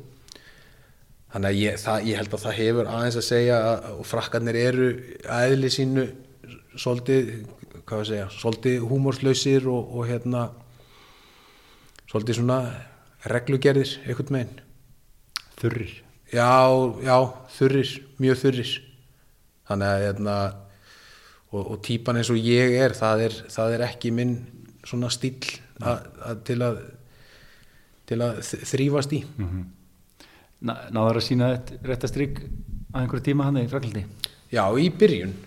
Það var alveg í byrjun. Þá, hérna, þá leið mér rosalega vel og, og, og, og að mínum að þá var ég klárlega nógu góður til þess að spila allavegni í þessu liði sem að var, sem að var svona talið kannski aðeins undir, undir pari lið í, í, í efstu deild í Fraklandi en síðan náttúrulega bara, eins og ég segi, síðan fóru hlutirnir að þróast þannig að, hérna, að þú veist, þetta varð alltaf einhvern veginn hægt og rólega erfiðar og erfiðara og tungumála örðuleikarnir spiluð þarna inn í og, og lítill spiltími og, og síðan, síðan, síðan einhvern veginn á einhvern tímapunkti þá var þetta bara orðið svolítið að ég var bara á bekknum og spilaði bara leiki með varaliðinu. Og, og kannski var það kannski var það lélega gert að mér en ég, ég gaf svolítið upp. Þannig að hérna þannig að þú veist en einhver síður ég var á, var á hérna hörku góðum samningarna en, en ég bara komstæði að þarna var ég 29 ára. Uh, á ég að sitja inn í þrjú og hálft ár og, og, og, og sitja á mjög góðum samning eða á ég að hugsa meir um ferilinn koma mér eitthvað annað? En þú horfður tilbaka, sérðu eftir að hafa ekki tekið slægin eitthvað aðeins lengur? Já, ég hefði sennilátt að gera það. Ég hefði sennilátt að gera það en, en Taka eitt undum úr tímbili viðbót og svona sjá hvað það staðir. og, og, og, og þá hefði maður alltaf komist meira inn í frönskuna. Það er alveg rétt, ég, ég hefði sennilátt að gera það. En eins og ég sagði líka við að þetta var kannski svolítið lélega gert af mér og auðlega gert að ég, ég gafst bara upp svolítið Hvernig, og við kynni það þú, þú hefur verið talandi um tungumál, þú hefur verið fljótur að ná norskunni sín, sínu tíma. Er það ekki dóltið atriði að þegar menn koma í nýtt land, alltaf norsk, norskan er ekkit mjög langt frá íslenskunni Nei, nei. svo er þetta frakla sem allt annar já, já. allt annan tungumál en það, spila dótt inn í það ekki að svona ef menn ná því fljótlega. Mm, við sjáum kannski Alfred Fimbo sem einhvern veginn hefur þá náðagáðu að, að Já, geta lært tungumál mjög fljótlega.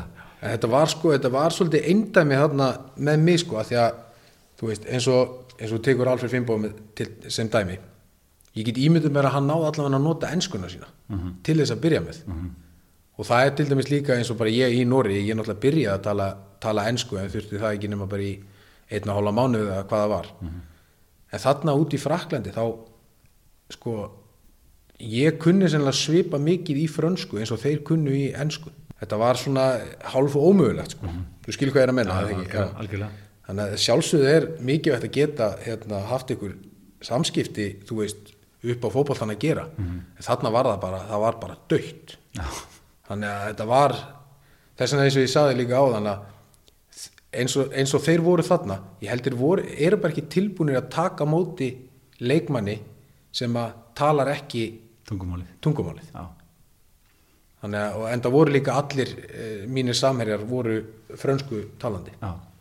já, og það er kannski bara eitthvað í kúltunum í Fraklandi að, að þeir sætta sig ekkert við annað sko. Nei, nei, sætta sig við já, sko. það er hérna, það er einmitt málið sko, við byrjum, byrjum í, ég byrjaði í einhverjum svona frönsku uh, tungumála tímum einhverju og hérna, en síðan eins og ég segi, síðan, síðan eh, sá ég í hvert, hvert stemdi og þá eins og ég segi, ég gafst bara upp og, og hætti þeim tímum og svona eftir á higgja og sé, sé ég kannski aðeins eftir því.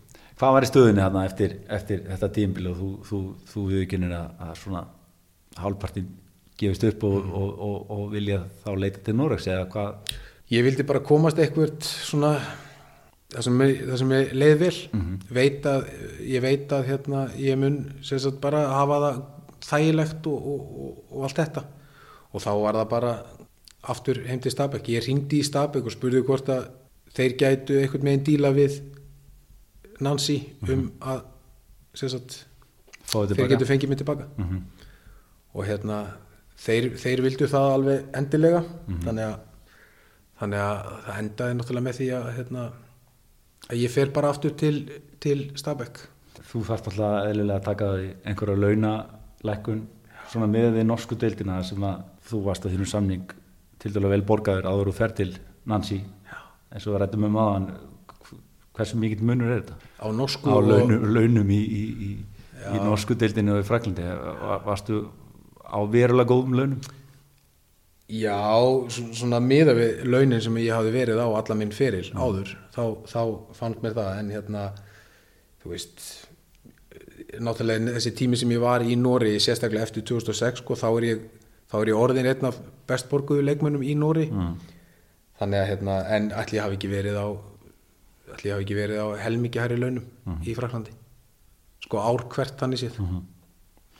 Eh, Hvernig er svo að koma hefum í Stafbeka að nýju? Það var eitthvað breyttar aðstæður eða ekki? Jú, það var náttúrulega við vorum náttúrulega komnir inn í, inn í hérna höllina. Já, þarna var höllin komin, Já, þessi fræga. þeir tímabili sem ég fór náttúrulega 2009 sem ég var í Fraklandi þá, það er fyrsta tímabili hjá Stabæk í höllinni. Aðeins þessum aðstæðum? Ég meina, þeir, þeir ákveða að byggja höll eða ekki?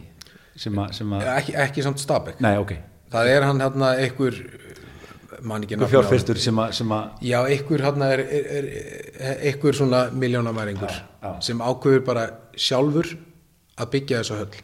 Og þessi höll var náttúrulega ætluð fyrir náttúrulega Stabæk náttúrulega leiði höllina mm -hmm. leiðan okkur slatta penning og þetta var svona, hann hugsaði náttúrulega bara út í að þú veist, aðra hverju helgi er Stabæk að spila þarna, hinar helgarnar er einhver, einhver, svona einhverja sýningar eða tónleikar eða hvað það er skilur þannig að og svo er náttúrulega, þetta er náttúrulega risastórt, það er margt inn í þessu líka, líka sætta stöð og það er, það er veitingastaður og þú veist, það er allt, það er allt í þessu sko.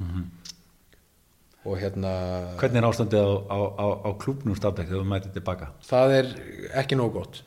Það, ég komst að því sko fjáraslega Uh, fótboltalega þá vorum við ekki alveg með sama lið eins og við vorum með til dæmis 2008 þá var náttúrulega margi fanir, Brassi var farin Afrikumæðurinn var farin Daniel var orðin 30 og þetta er 2010 36 ára. Já, hann er 36 ára. Uh, þannig að lið, liðið var ekki eins gott en við vorum alveg sko hvað við Þjálfari segja- er farinn, eða ekki? þjálfarinn var farinn, Janni var farinn. Til Róseborg. Til Rósaborg og, og við vorum svona rétt yfir, yfir meðal lið á þessum tíma. Já, þú nærð þarna 2010 tímilin út komin í Stabæk einhverja aðra aðstæður í klubnum ekki sami þjálfari eh, og svona liði einhvern veginn í miðju, miðju ströggli bara. Já, það er hérna það er rétt, þetta var bara ekki þetta, við vorum langt frá að vera svona eins og við vorum þarna 2000 og, 2008 til dæmis en einhvað síður ég ótrúlega sáttur að vera bara komin tilbaka og fá að spila reglulega fótbolta og hérna og eins og ég segi, fekk bara svona fann gleðin og ný að spila fótbolta. Þannig að það, það, það víst, tímabilið hjá klúbnum það var ekkert, það var, var lélegt en, en einhvað síður manni að það var þægilegt að vera komin tilbaka.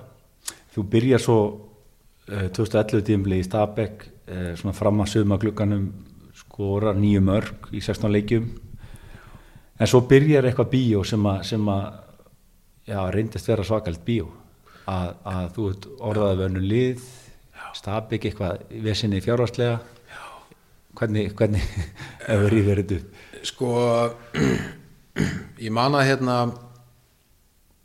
eins og ég segi, það gekk mjög vel hjá mér þetta tímabil. Uh, byrjaði mjög vel. Síðan komist við að því að klúburinn er bara í bullandi basli, fjárvarslega. Og hérna, það er, það er basically sagt við mig, eitt þarna, einhver stjórnarformaður eða man ekki hver það var, hann, hann lappar að mér og segir að það, við erum búin að fá tilbúið í þig og við, og við verðum eiginlega að selja þig. Þannig að hérna þannig að ég sem ég segi og svo kemst ég að því að þetta er náttúrulega voleringa og allt þetta. Og þetta kemst í fjölmila og þegar þetta kemst í fjölmila þá setur Rósuborgsi líka inn í spilið. Já, og hérna uh, og það, þó það leit út eins og ég segi, ég, ég var svo fastur á því að, mér langaði bara að spila það sem mér leiði vel. Mm og, og, og þannig að hérna ég var ekkit endilega á því að bara að vilja fara. En þeir, þeir sögðu bara að við verðum bara basically að selja þig upp á, upp á, upp á fjáraðin að gera þannig að hérna þannig að hérna og svo þeir segja við mig sko þeir, þeir vilja selja mig til voleringa vilja einhvern veginn knýja það ekki já, það sem sérstaklega þú veist að því eins og segi, það voleringa og Rósuborg vildu fá mig en þeir vildu selja mig til voleringa og síðan fara þeir að útskýra það mál að voleringa er að bjóða hérna bara mun betur betur í mig heldur en Rósuborg sem að reyndi svo ekki að vera satt þetta, vor, þetta var bara þetta var sama fjáræð, þannig séð uh, En þarna verður einhver dýll er það ekki volurninga býður einhvern, einhvern krakka Já. efnilegan Jú. krakka Jú. og, og þetta reynist vera hluti af þessum peningum eða, eða klásúlu sem að Nancy Já. hafði að þeir myndu taka 50% af kaupverðinu eða ekki já, þannig að kaupverði þyrfti að vera nógu lágt til þess að Stabæk þyrfti að kemist upp með að greiða Já, akkurat, af því að Nancy átti, átti rétt á 50% af næsta næstu sölu. Já. Þannig að þeir, eins og ég segi, þeir fiffaði, þeir fiffaði eitthvað með þannig að, að, að sko, þetta voru, ég átti að vera seldur á uh, hvort það voru 90 miljónir. Það var kaupurið að mér Já. og hérna og, og, og þeir setja inn í hérna strák sem var á þessum tíma, ég held hann að vera ennþá 15 ára Okay. uh, þeir setja hann inn í kaupverið og hann er þannig sér seldur á einhverjar sko 75 sem sagt, já við báðir seldir tveir saman en hann kostaði 75 eða 80 og ég kostaði 15 eða 20 miljónir Já. þannig að þannig að Nancy fengi bara En að Nancy fengi 10. bara, já, bara 10 miljónir cirka í Já. staðin fyrir að fá sínar 45 miljónir. Þannig að þetta er, og, og þetta er eitthvað sem að sko er, sko, þeir hafa greinlega, þeir eru búin að komast upp með þetta, mm. en þú þarft ekki að vera sérfræðingur til þess að sjá þetta.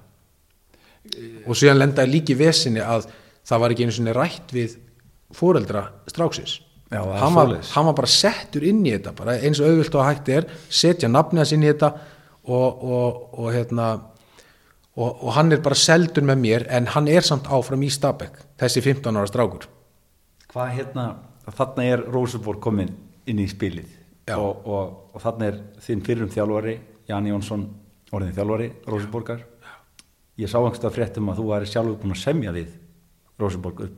Já, ég var komið með svona ég var komið með sko ég veit samt ekki meina ég var búin að segja munlegt já Nei. við þessu en svona komið drög að, einhverjum Já, einhverjum, svona, einhverjum við komnir eh, sko, hvað ég segja, 95% Mhm. já, að samkomulagi Mhm. þannig að hérna, en það var náttúrulega eins og ég segi, það var náttúrulega hérna, en samningarnir sem ég fekk á Volleringa og Rósiborg voru upp á það sama Ok. þannig að ég sem, þú veist var eiginlega of góður hérna bara Mhm. þannig að ég hugsaði bara um minn klubb Stabæk Mhm. og hérna og hérna skellti mér sérst frekar á þetta með Volleringa og létt svona pressaði dóldi já, að þeir vildu endilega ná samningu við Olreika frekar í Rosenborg já, eiginlega algjörlega var ég bara pressaður yfir í Volleringa Já.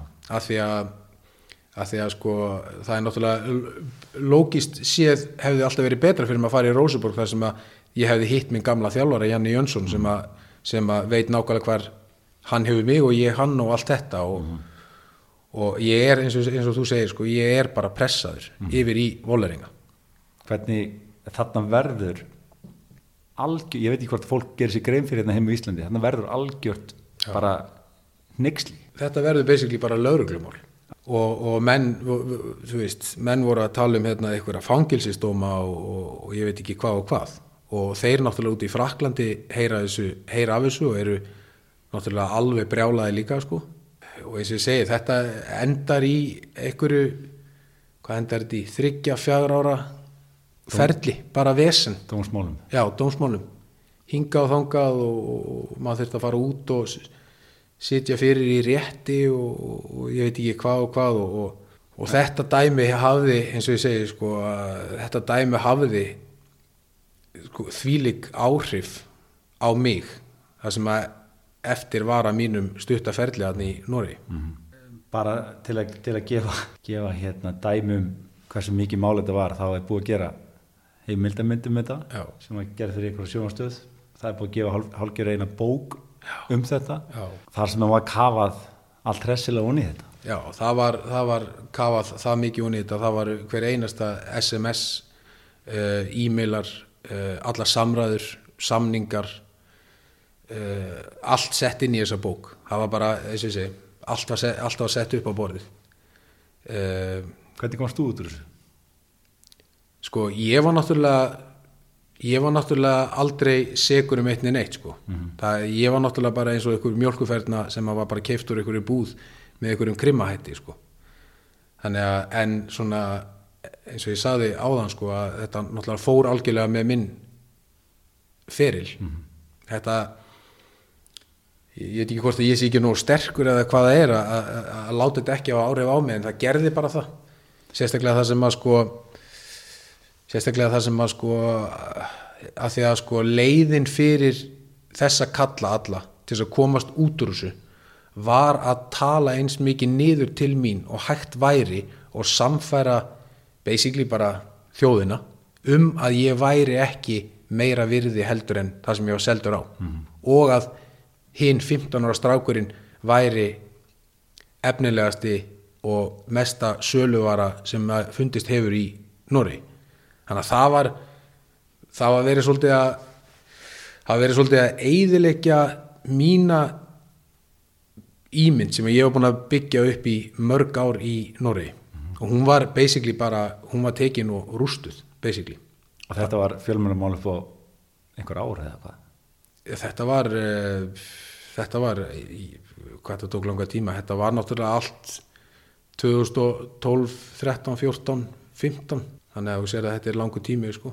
þú ert komin heim þegar, þegar Já, ég- það er ennþá bara stríði í gangi. Já ég, ég var, ég var löngu komin heim. Ég var löngu komin heim og, hérna, og það er til dæmis, þetta er ástæðan fyrir ég kem heim. 32 ára á þannig sé besta aldri. Ég ákvað bara koma mér í burtu frá öllu þessu vesinni og hérna, koma heim í Garðabæn hvað, hvað þessi strákur er, er hann spílandi þá? hann er endar spilandi í dag. Og hann er hann er, uh, hann er fínn í fótbolta. Já, en en hann er ekki hann er ekki þessi virði í dag sko, það sem hann var keiftur á á þessum tíma. Er hann eftir deild eða? hann er eftir dild ég, held hann, ég held hann spili með strömskútsett hann er, þú veist, jújú, jú, þetta var var efnilegur strákur. En Guðmi Góður, hann var ekki 15 ára gammal var hann ekki þetta efnilegur Þetta hefur greinlega verið í rísa, rísa stórt dæmi. Hvernig gekkir svona fyrstu, þú kemur inn, kemur inn í, í voleringa hann í sumaglökunum, hafið þetta áhrif á þig strax hérna? já, þetta sko nei, eða sko, þetta kom ekki til ljós alveg strax Nei, nei, nei, þetta kom ekki til ljós alveg strax En hvernig voru svona, já, fyrstu, fyrstu skrifin í voleringa? Hver, hver, hver var þjálfarið þar? Það var hérna Martin Andresen heitir hann og það er leikmaður eh, sagt, hann, var, hann var orðin þjálfari náttúrulega og, en þetta var náttúrulega leikmaður sem að já hvað maður að segja, við basically hötum um hvern annan, þannig sé sko. Slegist, slegist nokkur hjá sinnum og- Stabæk. Já, hérna þegar hann var náttúrulega leikmaður hjá Stabæk og síðan, síðan var hann náttúrulega svona hérna, aðal keppinutur okkar þegar hann fór yfir í brann og, og, og þetta, þegar baráttan var svolítið á milli Stabæk og brann Þannig að hann tekur við þér sem Já. þjálfari. Já, Þú hafði kannski ekki sérstakar reynslu á hann sem samherja og, og svo móterja þegar hann var í brann. Hvernig, þegar þú horfur á þetta í dag, léstu plata yfir í voleringa? Já, svona, já, ég vil meina það ég var, eða sko, ég plataður eða hvað, þú veist ég var eiginlega bara einhvern veginn þröngu að hanga yfir Já. það, þú veist, þetta var þeir náðu bara samfæra mig um þetta að klubburinn er í svo miklu vesinni Volleringa er að bjóða þetta mikið betur heldur en Rósaborg sem eins og ég segi sem var alls ekki satt, þetta voru bara svipaður uppæðir nema það var bara þessi dýll sem að þeir voru búin að samþykja Stabæk og Volleringa. Og svo, og svo er eins og ég segi að þú veist, það, er margir sem segja hérna, þú veist, sérðu eftir ykkur á ferlinum. Þetta er það sem að ég kannski sé mest eftir að ég skul ekki hafa valið Rósaborg í staðin fyrir Volleringa, af því að það var líka þetta með að Martin Andresen var þjálfari og ég viss að, að, að við vorum ekki bestu vinnir allavega þegar við vorum leikmenn. Þannig að ég var alltaf efins er hann að fara að, er hann að fara veist, vera eitthvað erfiður við mig?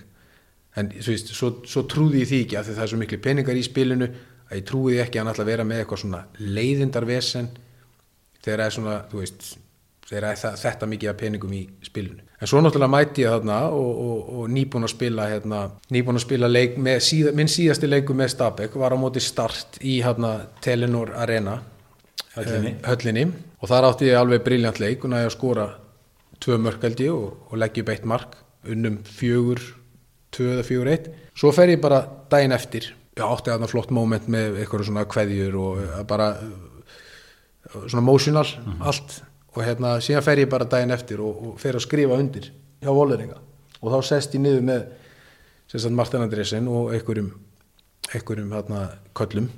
Og leiðu ég búin að setja nafni mitt á blaðið þá segir Martin Andresen við mig að ég þurfa að fara að koma mér í form, ég þarf að leta mig. Já, og ég, enn enn að ferðina og ég, eins og ég segi, þetta tímabil var ég búin að spila 14 leiki, skora 9 mörg leggjum 5, þannig að það er ekki eins og, eins og, og ég sagt þig líka að þú, þú gerir þetta ekki ef þú ert ekki í formi. Þannig að ég fekk strax bara svona trúið þess ekki. Þetta er að fara að gerast. Það er strax byrjað. Þannig að ég fæ, fæ ekki að æfa með hópnum fyrsta mánuðin Já, það er svoleiðis. að því ég þarf að koma mér í eitthvað form. Æfa ekstra. og ég æfa ekstra og settur okkar mataræði og, og ég léttist um 6 kíló. Ok. á einu mánuði. Ég settur á eitthvað, eitthvað brjála. Ég mátti ekki borða eitt en eitt líku sko. og síðan þá fæ ég að æfa að ég á komin undir eitthvað þyngd. Og svo hérna byrja ég að æfa. Og mér er aldrei liðið af nýtla ég var bara auðmur, fljótt þreyttur einhvern meginn, fljóttu farin að vinna og, þú veist, svona mjólkusýru og var bara einhvern meginn bara bara slappur.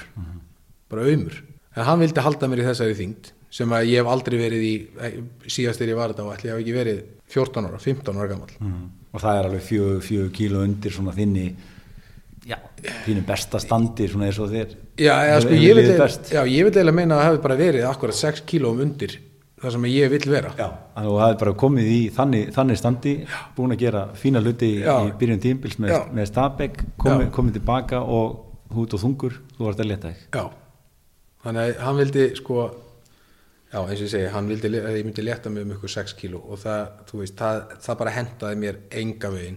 Og svo byrjaði þetta náttúrulega, ég bara varð auðmur og bara náði ekki að hérna, gera það sem ég gerir best. Og þar að leiðandi var það bara mikið bekkurinn og, og, og lítill spil, spiltími. Ég hef alltaf þrifist best undir ákveðnu típum að þjálfurum.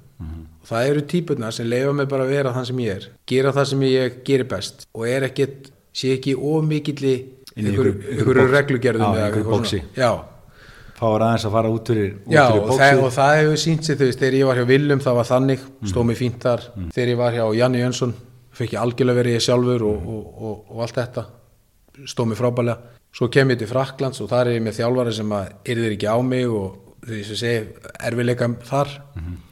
Kem aftur til Stabæk, þar hitti ég hérna Jörgen Lennartsen held ég, jú, hann hitt þar fekk ég verið ég sjálfur, stóð mér fínt.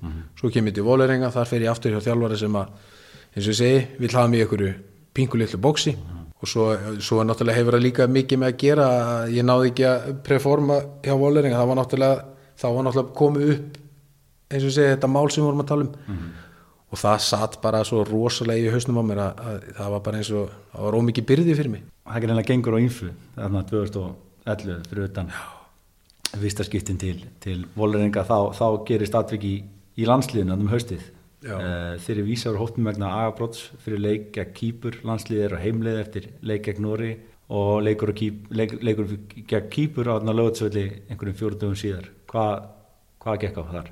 Herri, það var, eh, við fengum hérna eitthvað fríkvöld, áttum vera mættir upp á sagt, hótel klukkan 12, mm senasta lagi. Menn máttu fá sér kannski 1-2 bjóra, hitta félaga eða fjölskyldu eða hvað það var og fá sér 1-2 bjóra. Og maður er búinn að viðkynna þetta, maður er búinn að segja afsækið til þjóðarinnar, uh, ég fekk mér aðeins og marga. Þetta, þetta, þetta hafði svolítið mikið að gera með að ég var, ég var í, hvað við segja, ég var í einhverju örlittlu þunglindi þarna, út af öllu þessi sem gekk á í Nóri.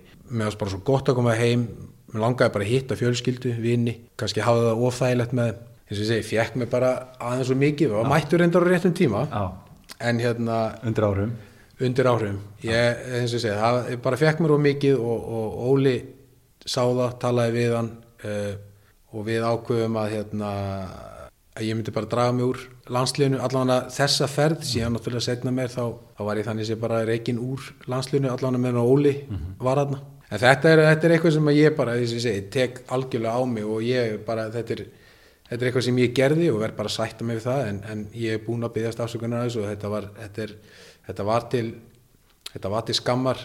Uh, maður er náttúrulega ekki stoltur af þessu. Þetta, hefum, þetta hafði mikið að gera. Ég var bara þungur, ég var sem í þunglindur og, og, og leið illa og, og, spila margt inn í. Mm. Fyrstu viðbröðin þá kannski varst ekki endilega að sjá þetta. Það er hérna kvótið við, við norska fjölmjölaða sem að 1-2 rauðursklaus, þeir bjóra skipt engum máli fyrir leika mútið kýpur, sagður en kannski sást, sást að þeir einhverjum dögum síðar. Já, já, þú veist ég, ég var í einhverju ég var í bara smá bulli með, með bara fótboltan smá.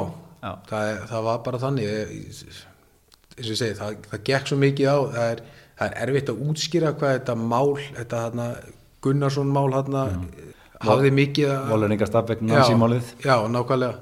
Þetta, þetta hafði alveg gríðarlega áhrif á mig. Uh, mér leið bara ótrúlega illa á þessum tíma.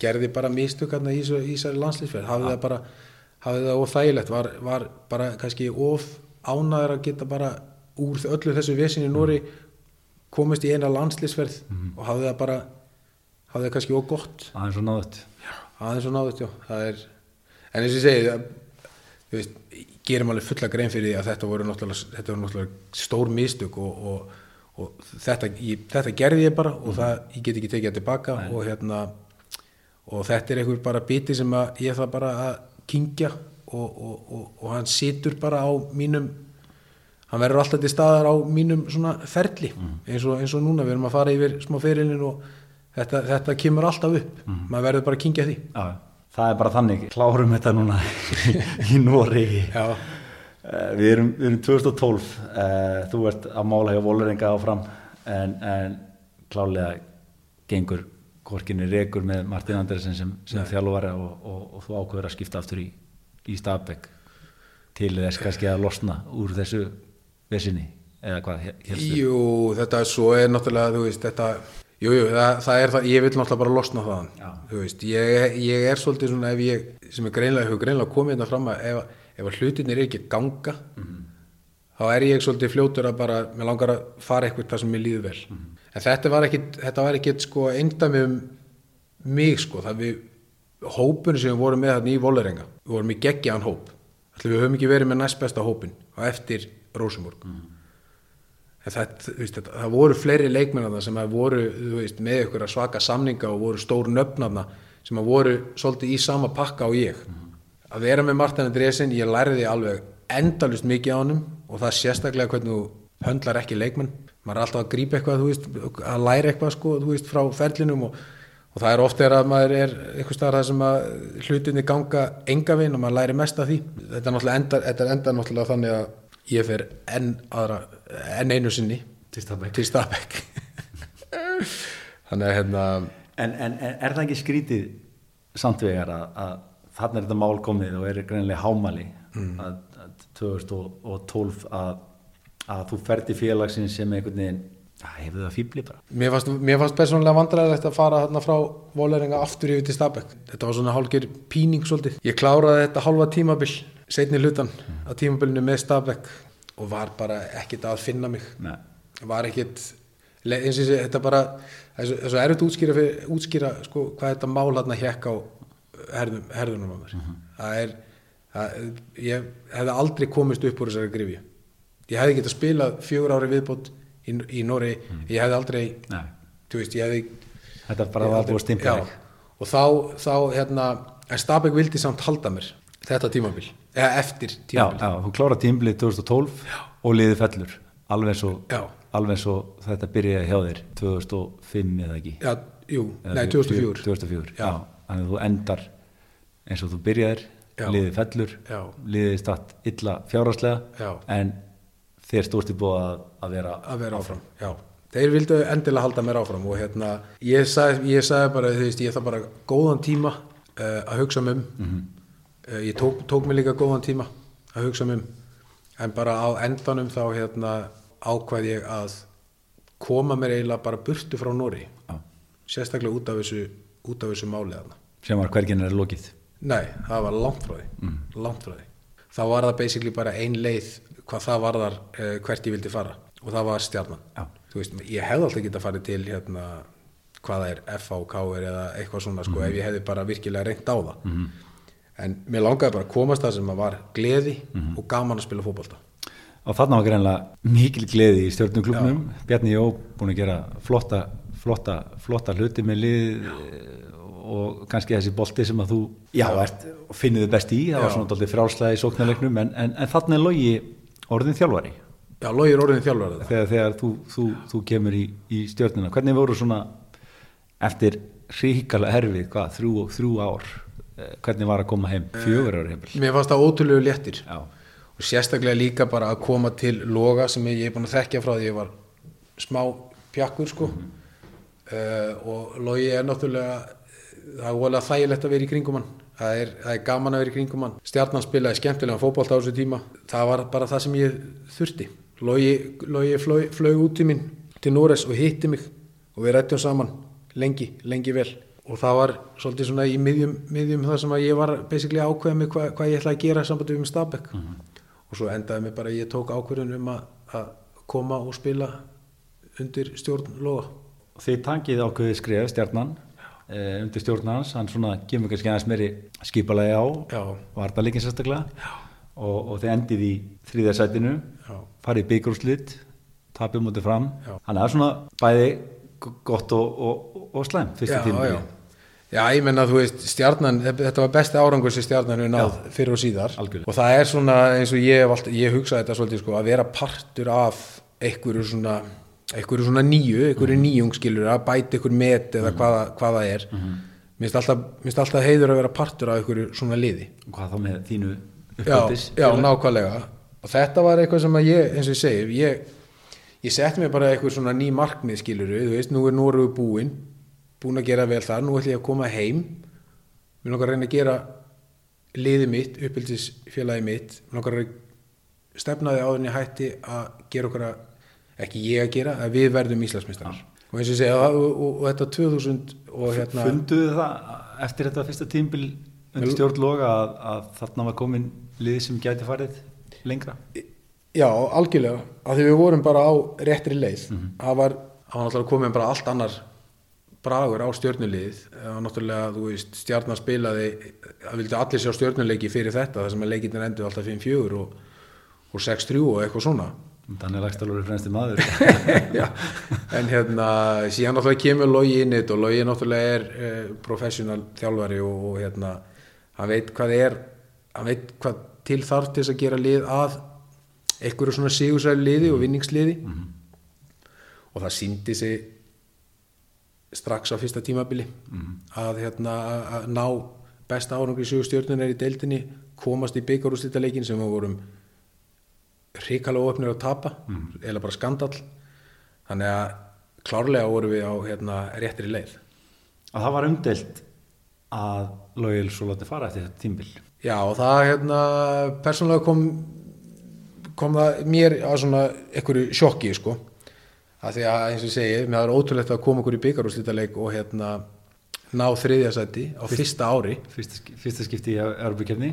fyrsta skipti í Europakefni og það er, það var hérna, það var, það var ákveðið sjokk, bara líka fyrir mig að hérna, tala nú ekki um fyrir loga en hérna, fyrir mig að því að ég náttúrulega ástæðan fyrir ég kom heim er að logi talaði mig svolítið til um að koma í stjórnuna þannig að hérna en, en við vitum náttúrulega framaldið eftir það. Þannig að, þannig að hérna, þó ég sé samfærður um að logi hefði alltaf gert góða hluti með stjórnuna ég er alveg samfærður um það. En það er náttúrulega búið að sína sig að, að hvað Rúnar er búin að gera. Hann er búin að, ekki nóg með það sko við, við höfum unni deildina við höfum búin að stabilisera okkur í í, í toppnum mm. skilur við, búin að, sam- búin að sína það að nú eru við, nú er stjarnanorðin alltaf innu topp 3-4 klúpur á Íslandi. Rifið aðeins upp e, þetta tímabil 2014. Þetta verður náttúrulega eitt risastórt ævindiri. Hvað, hvað, það var eitthvað í, í gangi. Funduðu það einhvern veginn á undirbúrstímbilun að, að þetta sumar er því svona rosalegt? Eða? við byggumst nú ekki við að myndi vera alveg svona Nei. en hérna ef við fundum alveg fyrir því að hérna að hérna að við erum með bara gott lið ég held við um aldrei ég held við um aldrei sko ég, um aldrei, ég held við um aldrei sko sjálfsögur stemdu við á það en ég held held við um aldrei haldið að við gætum unni deildina, Nei. innst inni algjörlega innst inni. En hérna en síðan eins og ég segi þetta tímabil er náttúrulega bara þetta er náttúrulega magna tímabil og ég held ég hafi verið að fara yfir þetta með undibúrstímabili fram að síðasta leik þá held ég við spilum 44 leiki allt í allt á þessu tímabili töpum bara fjórum og gerum ykkur hvað það er, 8-9 jafntefli eða eitthvað svona. Þannig að sigurleikarnir eru hátt upp í 30 sigurleikir á einu tímabili með öllum keppnum. Geggjað. og, og, og leikinni sem við töpum eru sko á móti hérna, það er á móti FH í lengjubíkanum tveir á móti Inter Milan og svo slísumst við að tapa eða slísumst, töpum á móti þrótti í byggar, bygganum þannig að Þú talar um tveir að þessu tabliki móti Inter þarna farið í gegnum eitthvað ævindir í Európa-keppninni liðið klúburinn í fyrsta skipti þar vinni Bangor öruglega Modðuvel eftir framlíkingu heimaðalli liðið hans hans hérna legg postnan ræðum Lewandowski. Farið gegnum þá e, og svo mætið í Inter stórliði í, í, í fjórða fjórðu, gegn fjórða móturinn já, þú spilar að núti á San Siro. Á San Siro. Það lítur að vera sturlað já, það var var geggja, það var eiginlega of mikið bara fyrir okkur Já. liðið, þetta var þetta er eins og ég segi sko að þú, við fjallum bara í þá grifju að, að við vorum búin að tapa leiknum Já. áður en að leikurinn byrjaði þetta var dálítið ævindiri já, þetta var, þetta var alltaf geggja ævindir flug með áhörfundur og já, já. Þetta var, já, já, þetta og bara eins og ég segi, stemningin í Milanoborg frá sagt, garbaðingunum, stjórnumönunum þetta var rosalegt að sjá þetta sko. Kíktum hann til þeir eitthvað á torgi skiluru og þetta var það liggur við, að maður hefði freka vilja vera stuðnismæður heldur en leikmaður hann sko. þetta var, var svo gaman hann hjá fólkinu. En hérna þetta var náttúrulega, þvílitt ævindir þessi, þessi hérna þessi hérna þessi Európukefni hjá okkur. Byrjum hérna á móti Bangor og þar, það var skemmtilegt að minnast að þar talaði rúnar um eins og við værum, eins og við værum að fara að spila móti Indi Mílan já, en þeir gátu ekki nei, blautan. Nei. En síðan náttúrulega mætu við svona liði sem að, svona, þú veist, eru sem að myndu, við töldum myndu vera bara jafnleikur mm Mo- Motherwell. Motherwell. Já, og það var hörkuleikur það var, var, geggjaði leikir. Við náum, lendum 2-0 undir út í Skotlandi. Náum að jafna þar, sem var geðveikt. Svo leikurinn hérna heima, heima eh, sem fer í framleggingu og allir jó með þarna sleikjuna sína. sleggjuna sína. 35 metrar sláin, sláin inn. Síðan síðan, uh, síðan hérna er ég reyndar meittur báða leikinni á móti pólska liðinu. Já. Þannig að ég fylgdist með því í sjómarpinu uh, útileikin og hérna og stóðu sér geðut vel, þar spilum við bara varnarleik frá Atilu og hérna náðum að pota þessu marki sem við vorum að, vorum að þessari skyndisókn, einu, tveimur hérna, skyndisóknum sem við fengum að náðum að pota þar inn. Og ég man að við hérna síðan man ég hvað ég var ánæður að hafa fengið Inter Milan já, við hefðum getað fengið eitthvað lið sem við höfum átt breyki Mhm. en hérna það var eiginlega meira við við að fá Inter Milan Mhm. það er eitthvað svona sem að það er ekkert algengt núvorðið að Íslandsliði fái rísa stórt Nei. lið þetta gerði stoltið í 90s Já, já. Gæðin fekk Fæinúrt og. Káur Everton og það var þetta náttúrulega allt öðruvísi Já, sko. það var önnur- bara dreigir önnur, keppni og færri lið en þetta er, þetta er eitthvað svona sem maður, segi, maður er hrikalega stoltur að, að við, við gerðum þetta sko að koma svona langt og, og fá að spila móti þú veist, þetta er ekki eins og þú veist með landsliðinu og þú ert bara, þú lendir í riðli með hérna já. skilur við, það er ekki eins mikið eins og að þurfa að vinna svona hrikalega mikið fyrir því að fá að spila San Siro. Mhm. þannig að það er, það var svolítið merkilegt. Þarna uh, þú, þú minnist á, á áhörundur á aðdánda klubbin Silvurskeiðina sem að leg þarna einhvern veginn á allsotti og, og, og veist, það hlýtur að vera geggjað að hafa hann á baku ykkur þetta, þetta sumar einhvern veginn, það skipti einhvern veginn hvort þú eru að spila heima eða heiman, Nei, þeir voru mættir og, og, einhvern veginn því líkt því líkt stemming. Já, já, þeir voru bara, þeir fylgd okkur út um allt gjörsamlega. Og það er engin, ekki einhverjir bara nokkrir, þetta var engin smá hópur sem að sem að sapnaði saman og, og, og, fór á hérna til Akureyri eða Ólasvík eða, eða til Milanoborg eða hvað það var. Þannig að þetta var eins og ég segi, Silfurskeiðin á, á þátt í þessum titli sko, 2014, alveg algjörlega og líka þessari velgengni í Európa-kjörni sko. það er bara þannig. Í deildinni þá, þá leiðir svona eiginlega svona hefur forskot aðeins á okkur fram eiginlega í loka umfyririna þá, þá, þá var staða þannig að FH með 51 þið 49 þið urðu að vinna. Já. og þetta verður bara einn spes úrslutuleikur 4. oktober hreinn úrslutuleikur þið urðu að vinna. 6500 áhörundur og, og og þetta verður einhver svakalegur rússipanni. Já, þetta var þetta var hérna þetta var geggjaður leikur. Þetta, ég hef sko sjaldan verið stressaður fyrir leik en þarna var ég svolítið stressaður. Mm. þú veist 34 ára gammal búin að spila þetta ekki hvað marga leiki og allt í innu var ég bara stressaður að spila fótballtaleik þannig að þetta var, þetta var ótrúlega hérna, sérstakt og hérna Var það þetta stress sem gerði það að verkum að þú lest nappa í rauðt spjald?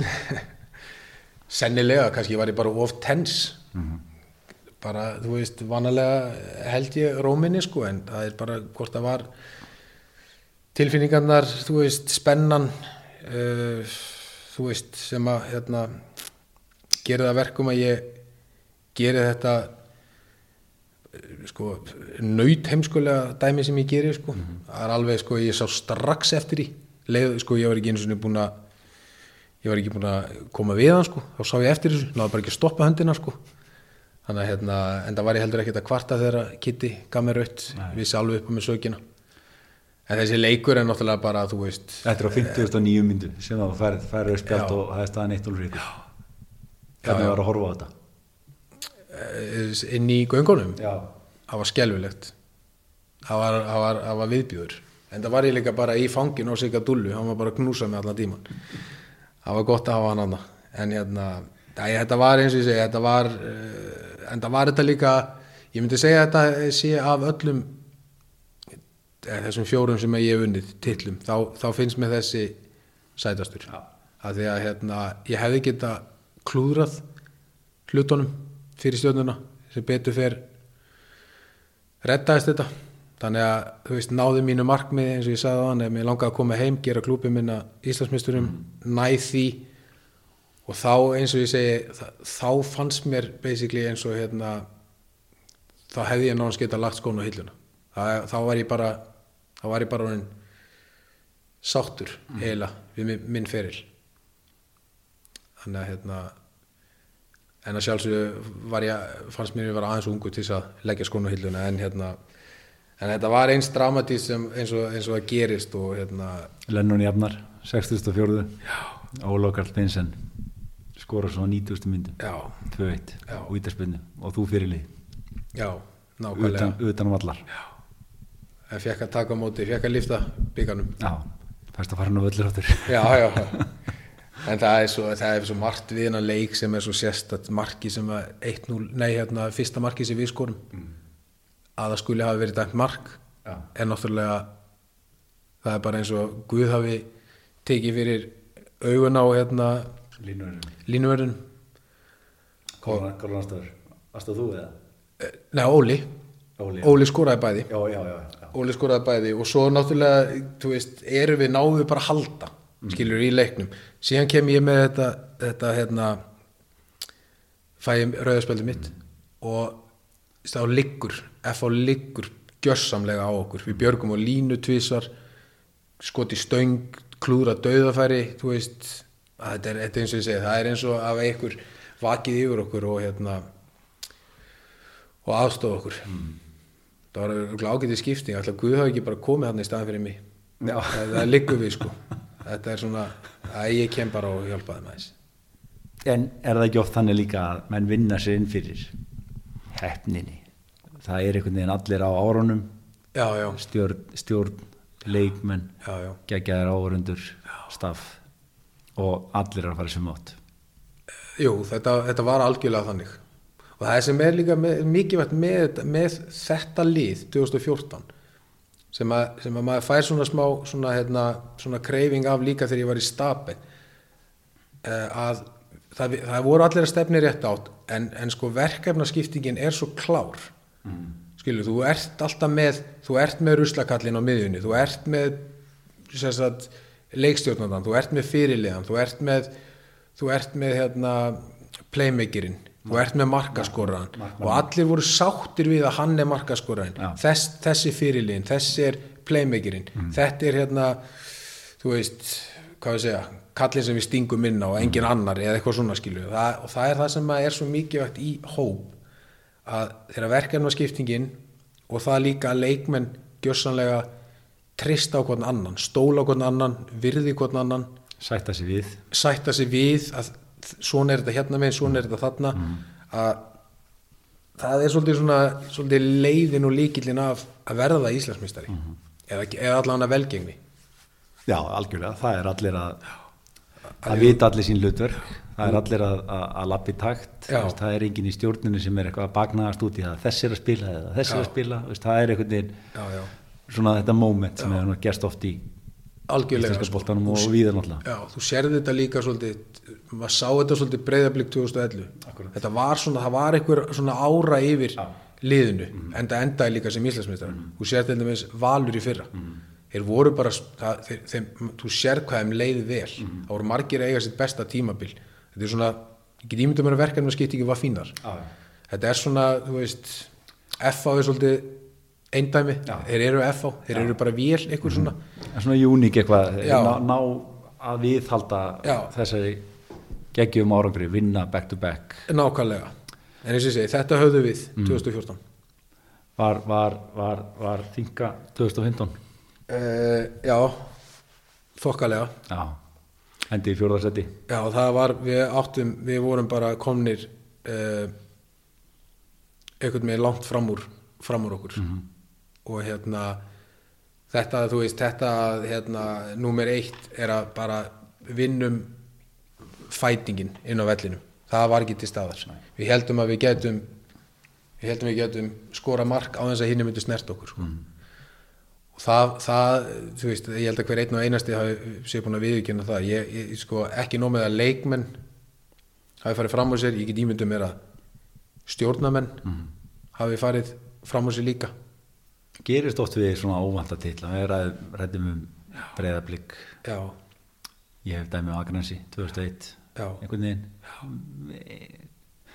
Óvænta liði verður meistari það er allir á eitt en kannski liðina er ekki að endurstilla sig. Nei. það koma kannski ekki alveg það styrkingar sem að liði þar til að svona fá menn upp á tætnar aftur. Nei, nei, nákvæmlega sko. Og, og Óli Óvirist ef við tölum um valsliðið og F-liðið sem að gerði að virðist kunna þá list á þess að við séum krýna þá mestara en, en það er styrkingin hjá þeim er þannig Já, já. Að, að það er einhvern veginn að fá menn upp á tætnar og, og já, já, það er, það er, það er þannig sko. Uh, það er, það er ákveðin kunst að verða að reyna að verja titil sko. Það er það er hérna það er hægar sagt í gert sko. Það er það, er það. Eh, en, en, en þú talar um eftir, eftir þetta geggja tímbila svona þú hefðir getað hætt og verið mjög sáttur við að hætta á þessum nótum. Já, svona við- við sko- 2015 og 16 ertu kannski farið að í, alltaf í minna og minna hlutverk. Já, eins og við rættum um kannski í byrjun viðtals að, að, að, að sem að, sem að hérna, kannski henda þér ekkit sérstaklega að þú vilt vera í frontinum. Já, sérstaklega sko 2015 eftir að ég var búinn að vera fyrirliði uh, í þessu, þessu árið þarna uh, þá var ég svolítið ósáttur að ég fekk allt í einu lítinn eða spiltíma. Og ég var bara basically mjög ósáttur. En einhver síður endaði sem markaðistur með einhverjum þreim öðrum eða tveim öðrum skilur við, þannig að ég, hef, ég átti þetta tímabil eftir. Og ég er svolítið, svolítið ósáttur sko, ég er náttúrulega búin að tala við Rúnar um þetta. Já, já. svolítið ósáttur að, að ég hafi ekki fengið meiri spiltíma, sérstaklega 2015 ég hefði sætt mig við það 2016 og hérna en síðan er þetta, þú veist síðan er þetta, hérna, eins og ég segi ég er svolítið típa sem að ég þarf að ég þarf að fá að spila til þess að, til þess að halda mér svolítið á tónnum, halda mér í standi. En síðan gerist þetta 2015 gerist aftur 2016 þú veist fer ég F á þarna 2017 og hvað, þetta. hvað verður til þess að fara F það var bara eiginlega það að hérna við settum saman ég og Rúnar og, og, og niður hérna inn í stjórnuheimili og við við ákveðum bara eiginlega að okkar leiði myndu skilja. Þú veist ég myndi allt, ég hefði alltaf farið í sama hlutverk sem að ég, mér langaði ekki. Sem sagt eina fyrir en enn og hérna uh, þú veist og bara kvötumst bara, sáttir skilur ekkert mál.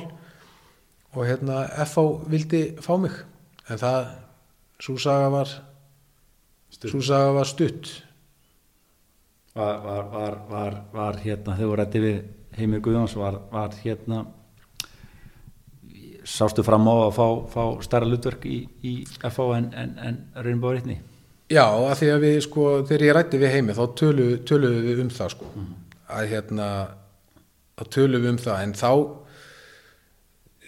sko, þá, þá lendi ég aftur í þessu hérna að þú veist að, þú- þú veist, að koma þér í aðeins betra stand skilur við, en, en þetta er bara eins og ég segi sko að þú veist þá sá ég svolítið fram á að nú er ég að fara inn í eitthvað kassa, ég þarf að gera svona ég þarf að gera svona, ég má ekki gera svona eins og mér líður bara best og hérna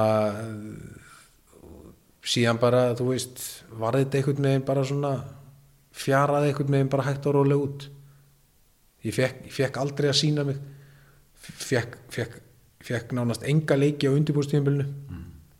og það er einmitt tannig sem að ég kem svolítið í stand, það er að fá að spila og spila og spila og fyrir tímabrið þá er ég komin í gott stand og, og þú veist en síðan bara þú veist svo er það náttúrulega með þessa íslensku deild okkar að þú, ef þú ert ekki að fá að spila fast þá er, þá er svolítið erfitt að halda sér í formi sérstaklega típa sem eins og ég, orðin 37 ára sko, þú færði ekki að spila neist þar annar staðar, það er ekki neynir varalisleikir eða, eða neitt svona þannig að, þannig að hérna, þetta var, já, þetta fjaraði hægt og rólega út.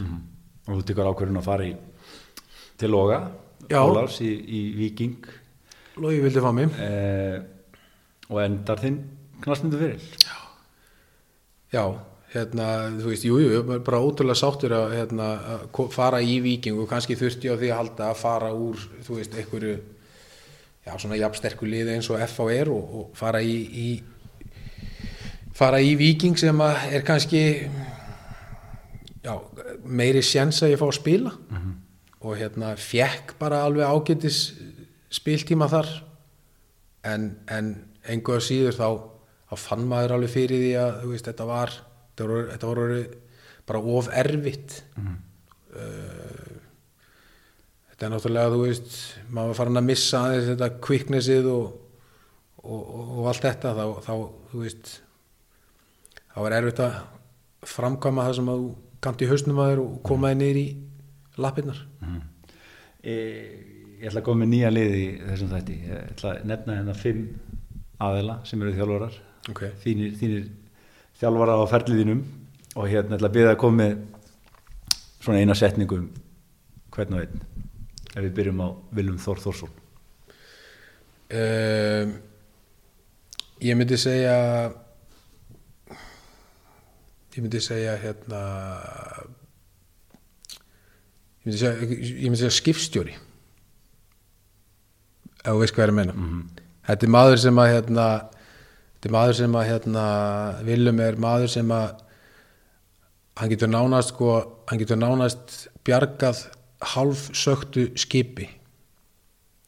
Uh,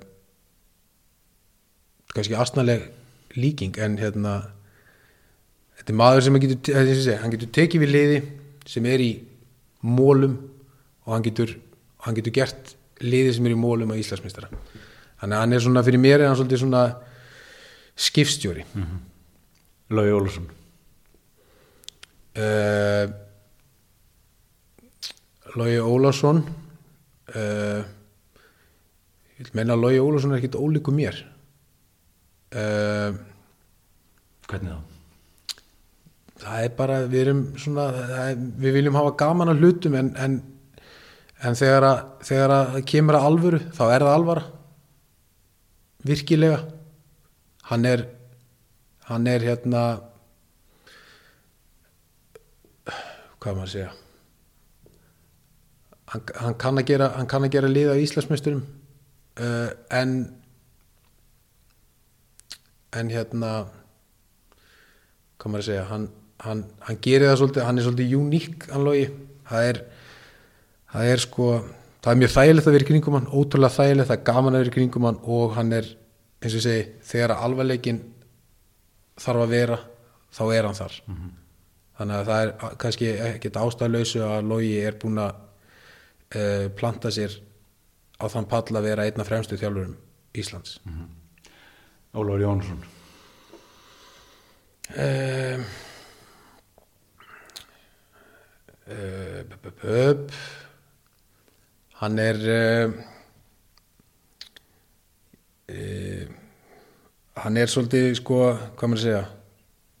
Hann er hann er, hann er, hann, hann er með ák hann sem sagt, hann með ákveðna hugmyndir og hann fer gjörsamlega eftir sínum hugmyndum.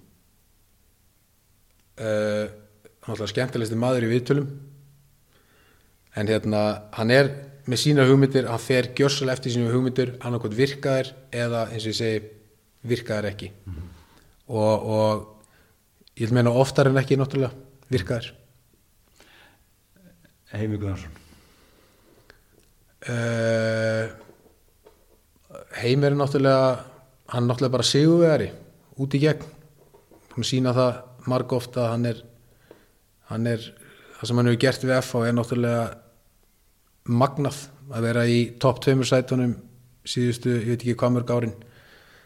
Er náttúrulega ég held að það sé langt okkur til að gerist aftur og hann er hann er, hann er svolítið svona hann er taktik, taktikslega séð er hann allan sé ekki besti þjálfari Íslands. Rúnar Pál Sigmundsson að lokum. Rúnar Páll er eins og hérna hann er svona eins og hérna Rúnar Páll er svona eins og hérna risastór vél í einhverjum bíl brjálu læti í vélinni á, á svolítið svona grófum bíl en myndi taka alla hina bílan í spinnu ég er þetta er náttúrulega magna þetta er hérna, það er- eins og ég segi það er læti rúnari, hann er, hann er geggjaður að koma mönnum í form hann heldur mönnum uh, gjössanlega á tánum.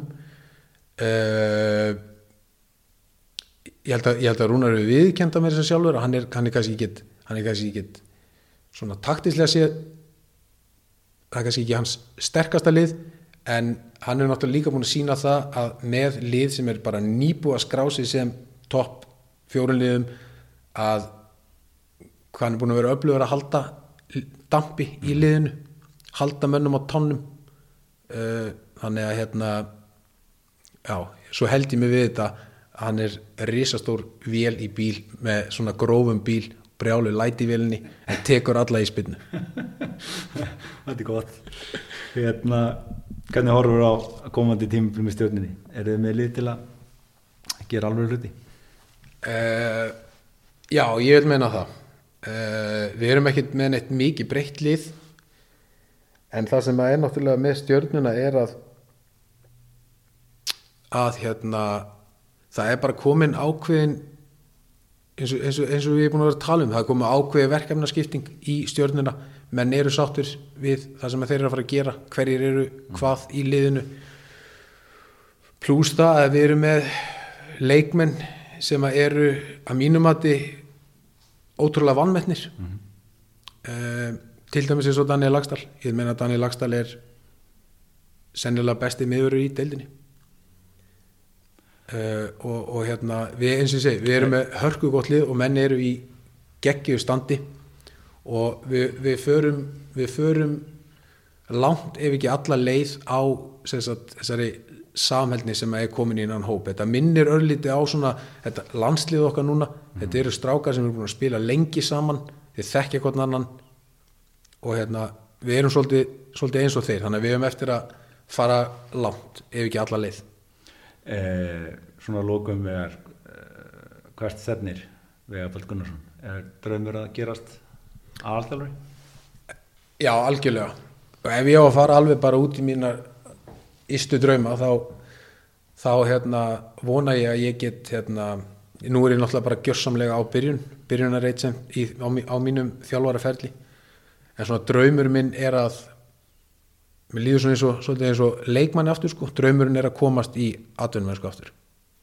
Ég sé, ég sé alveg fyrir mér að ég geti jafnvel endað í, í, í Skandinavíu þá sennilega líklegast Nóri sem aðafjálfari en, en, en ég hef ég náttúrulega er bara þannig gerður ég tek allt til minn bæði sem leikmaður og núna sem þjálfari. Ég er bara eins og segja að læra.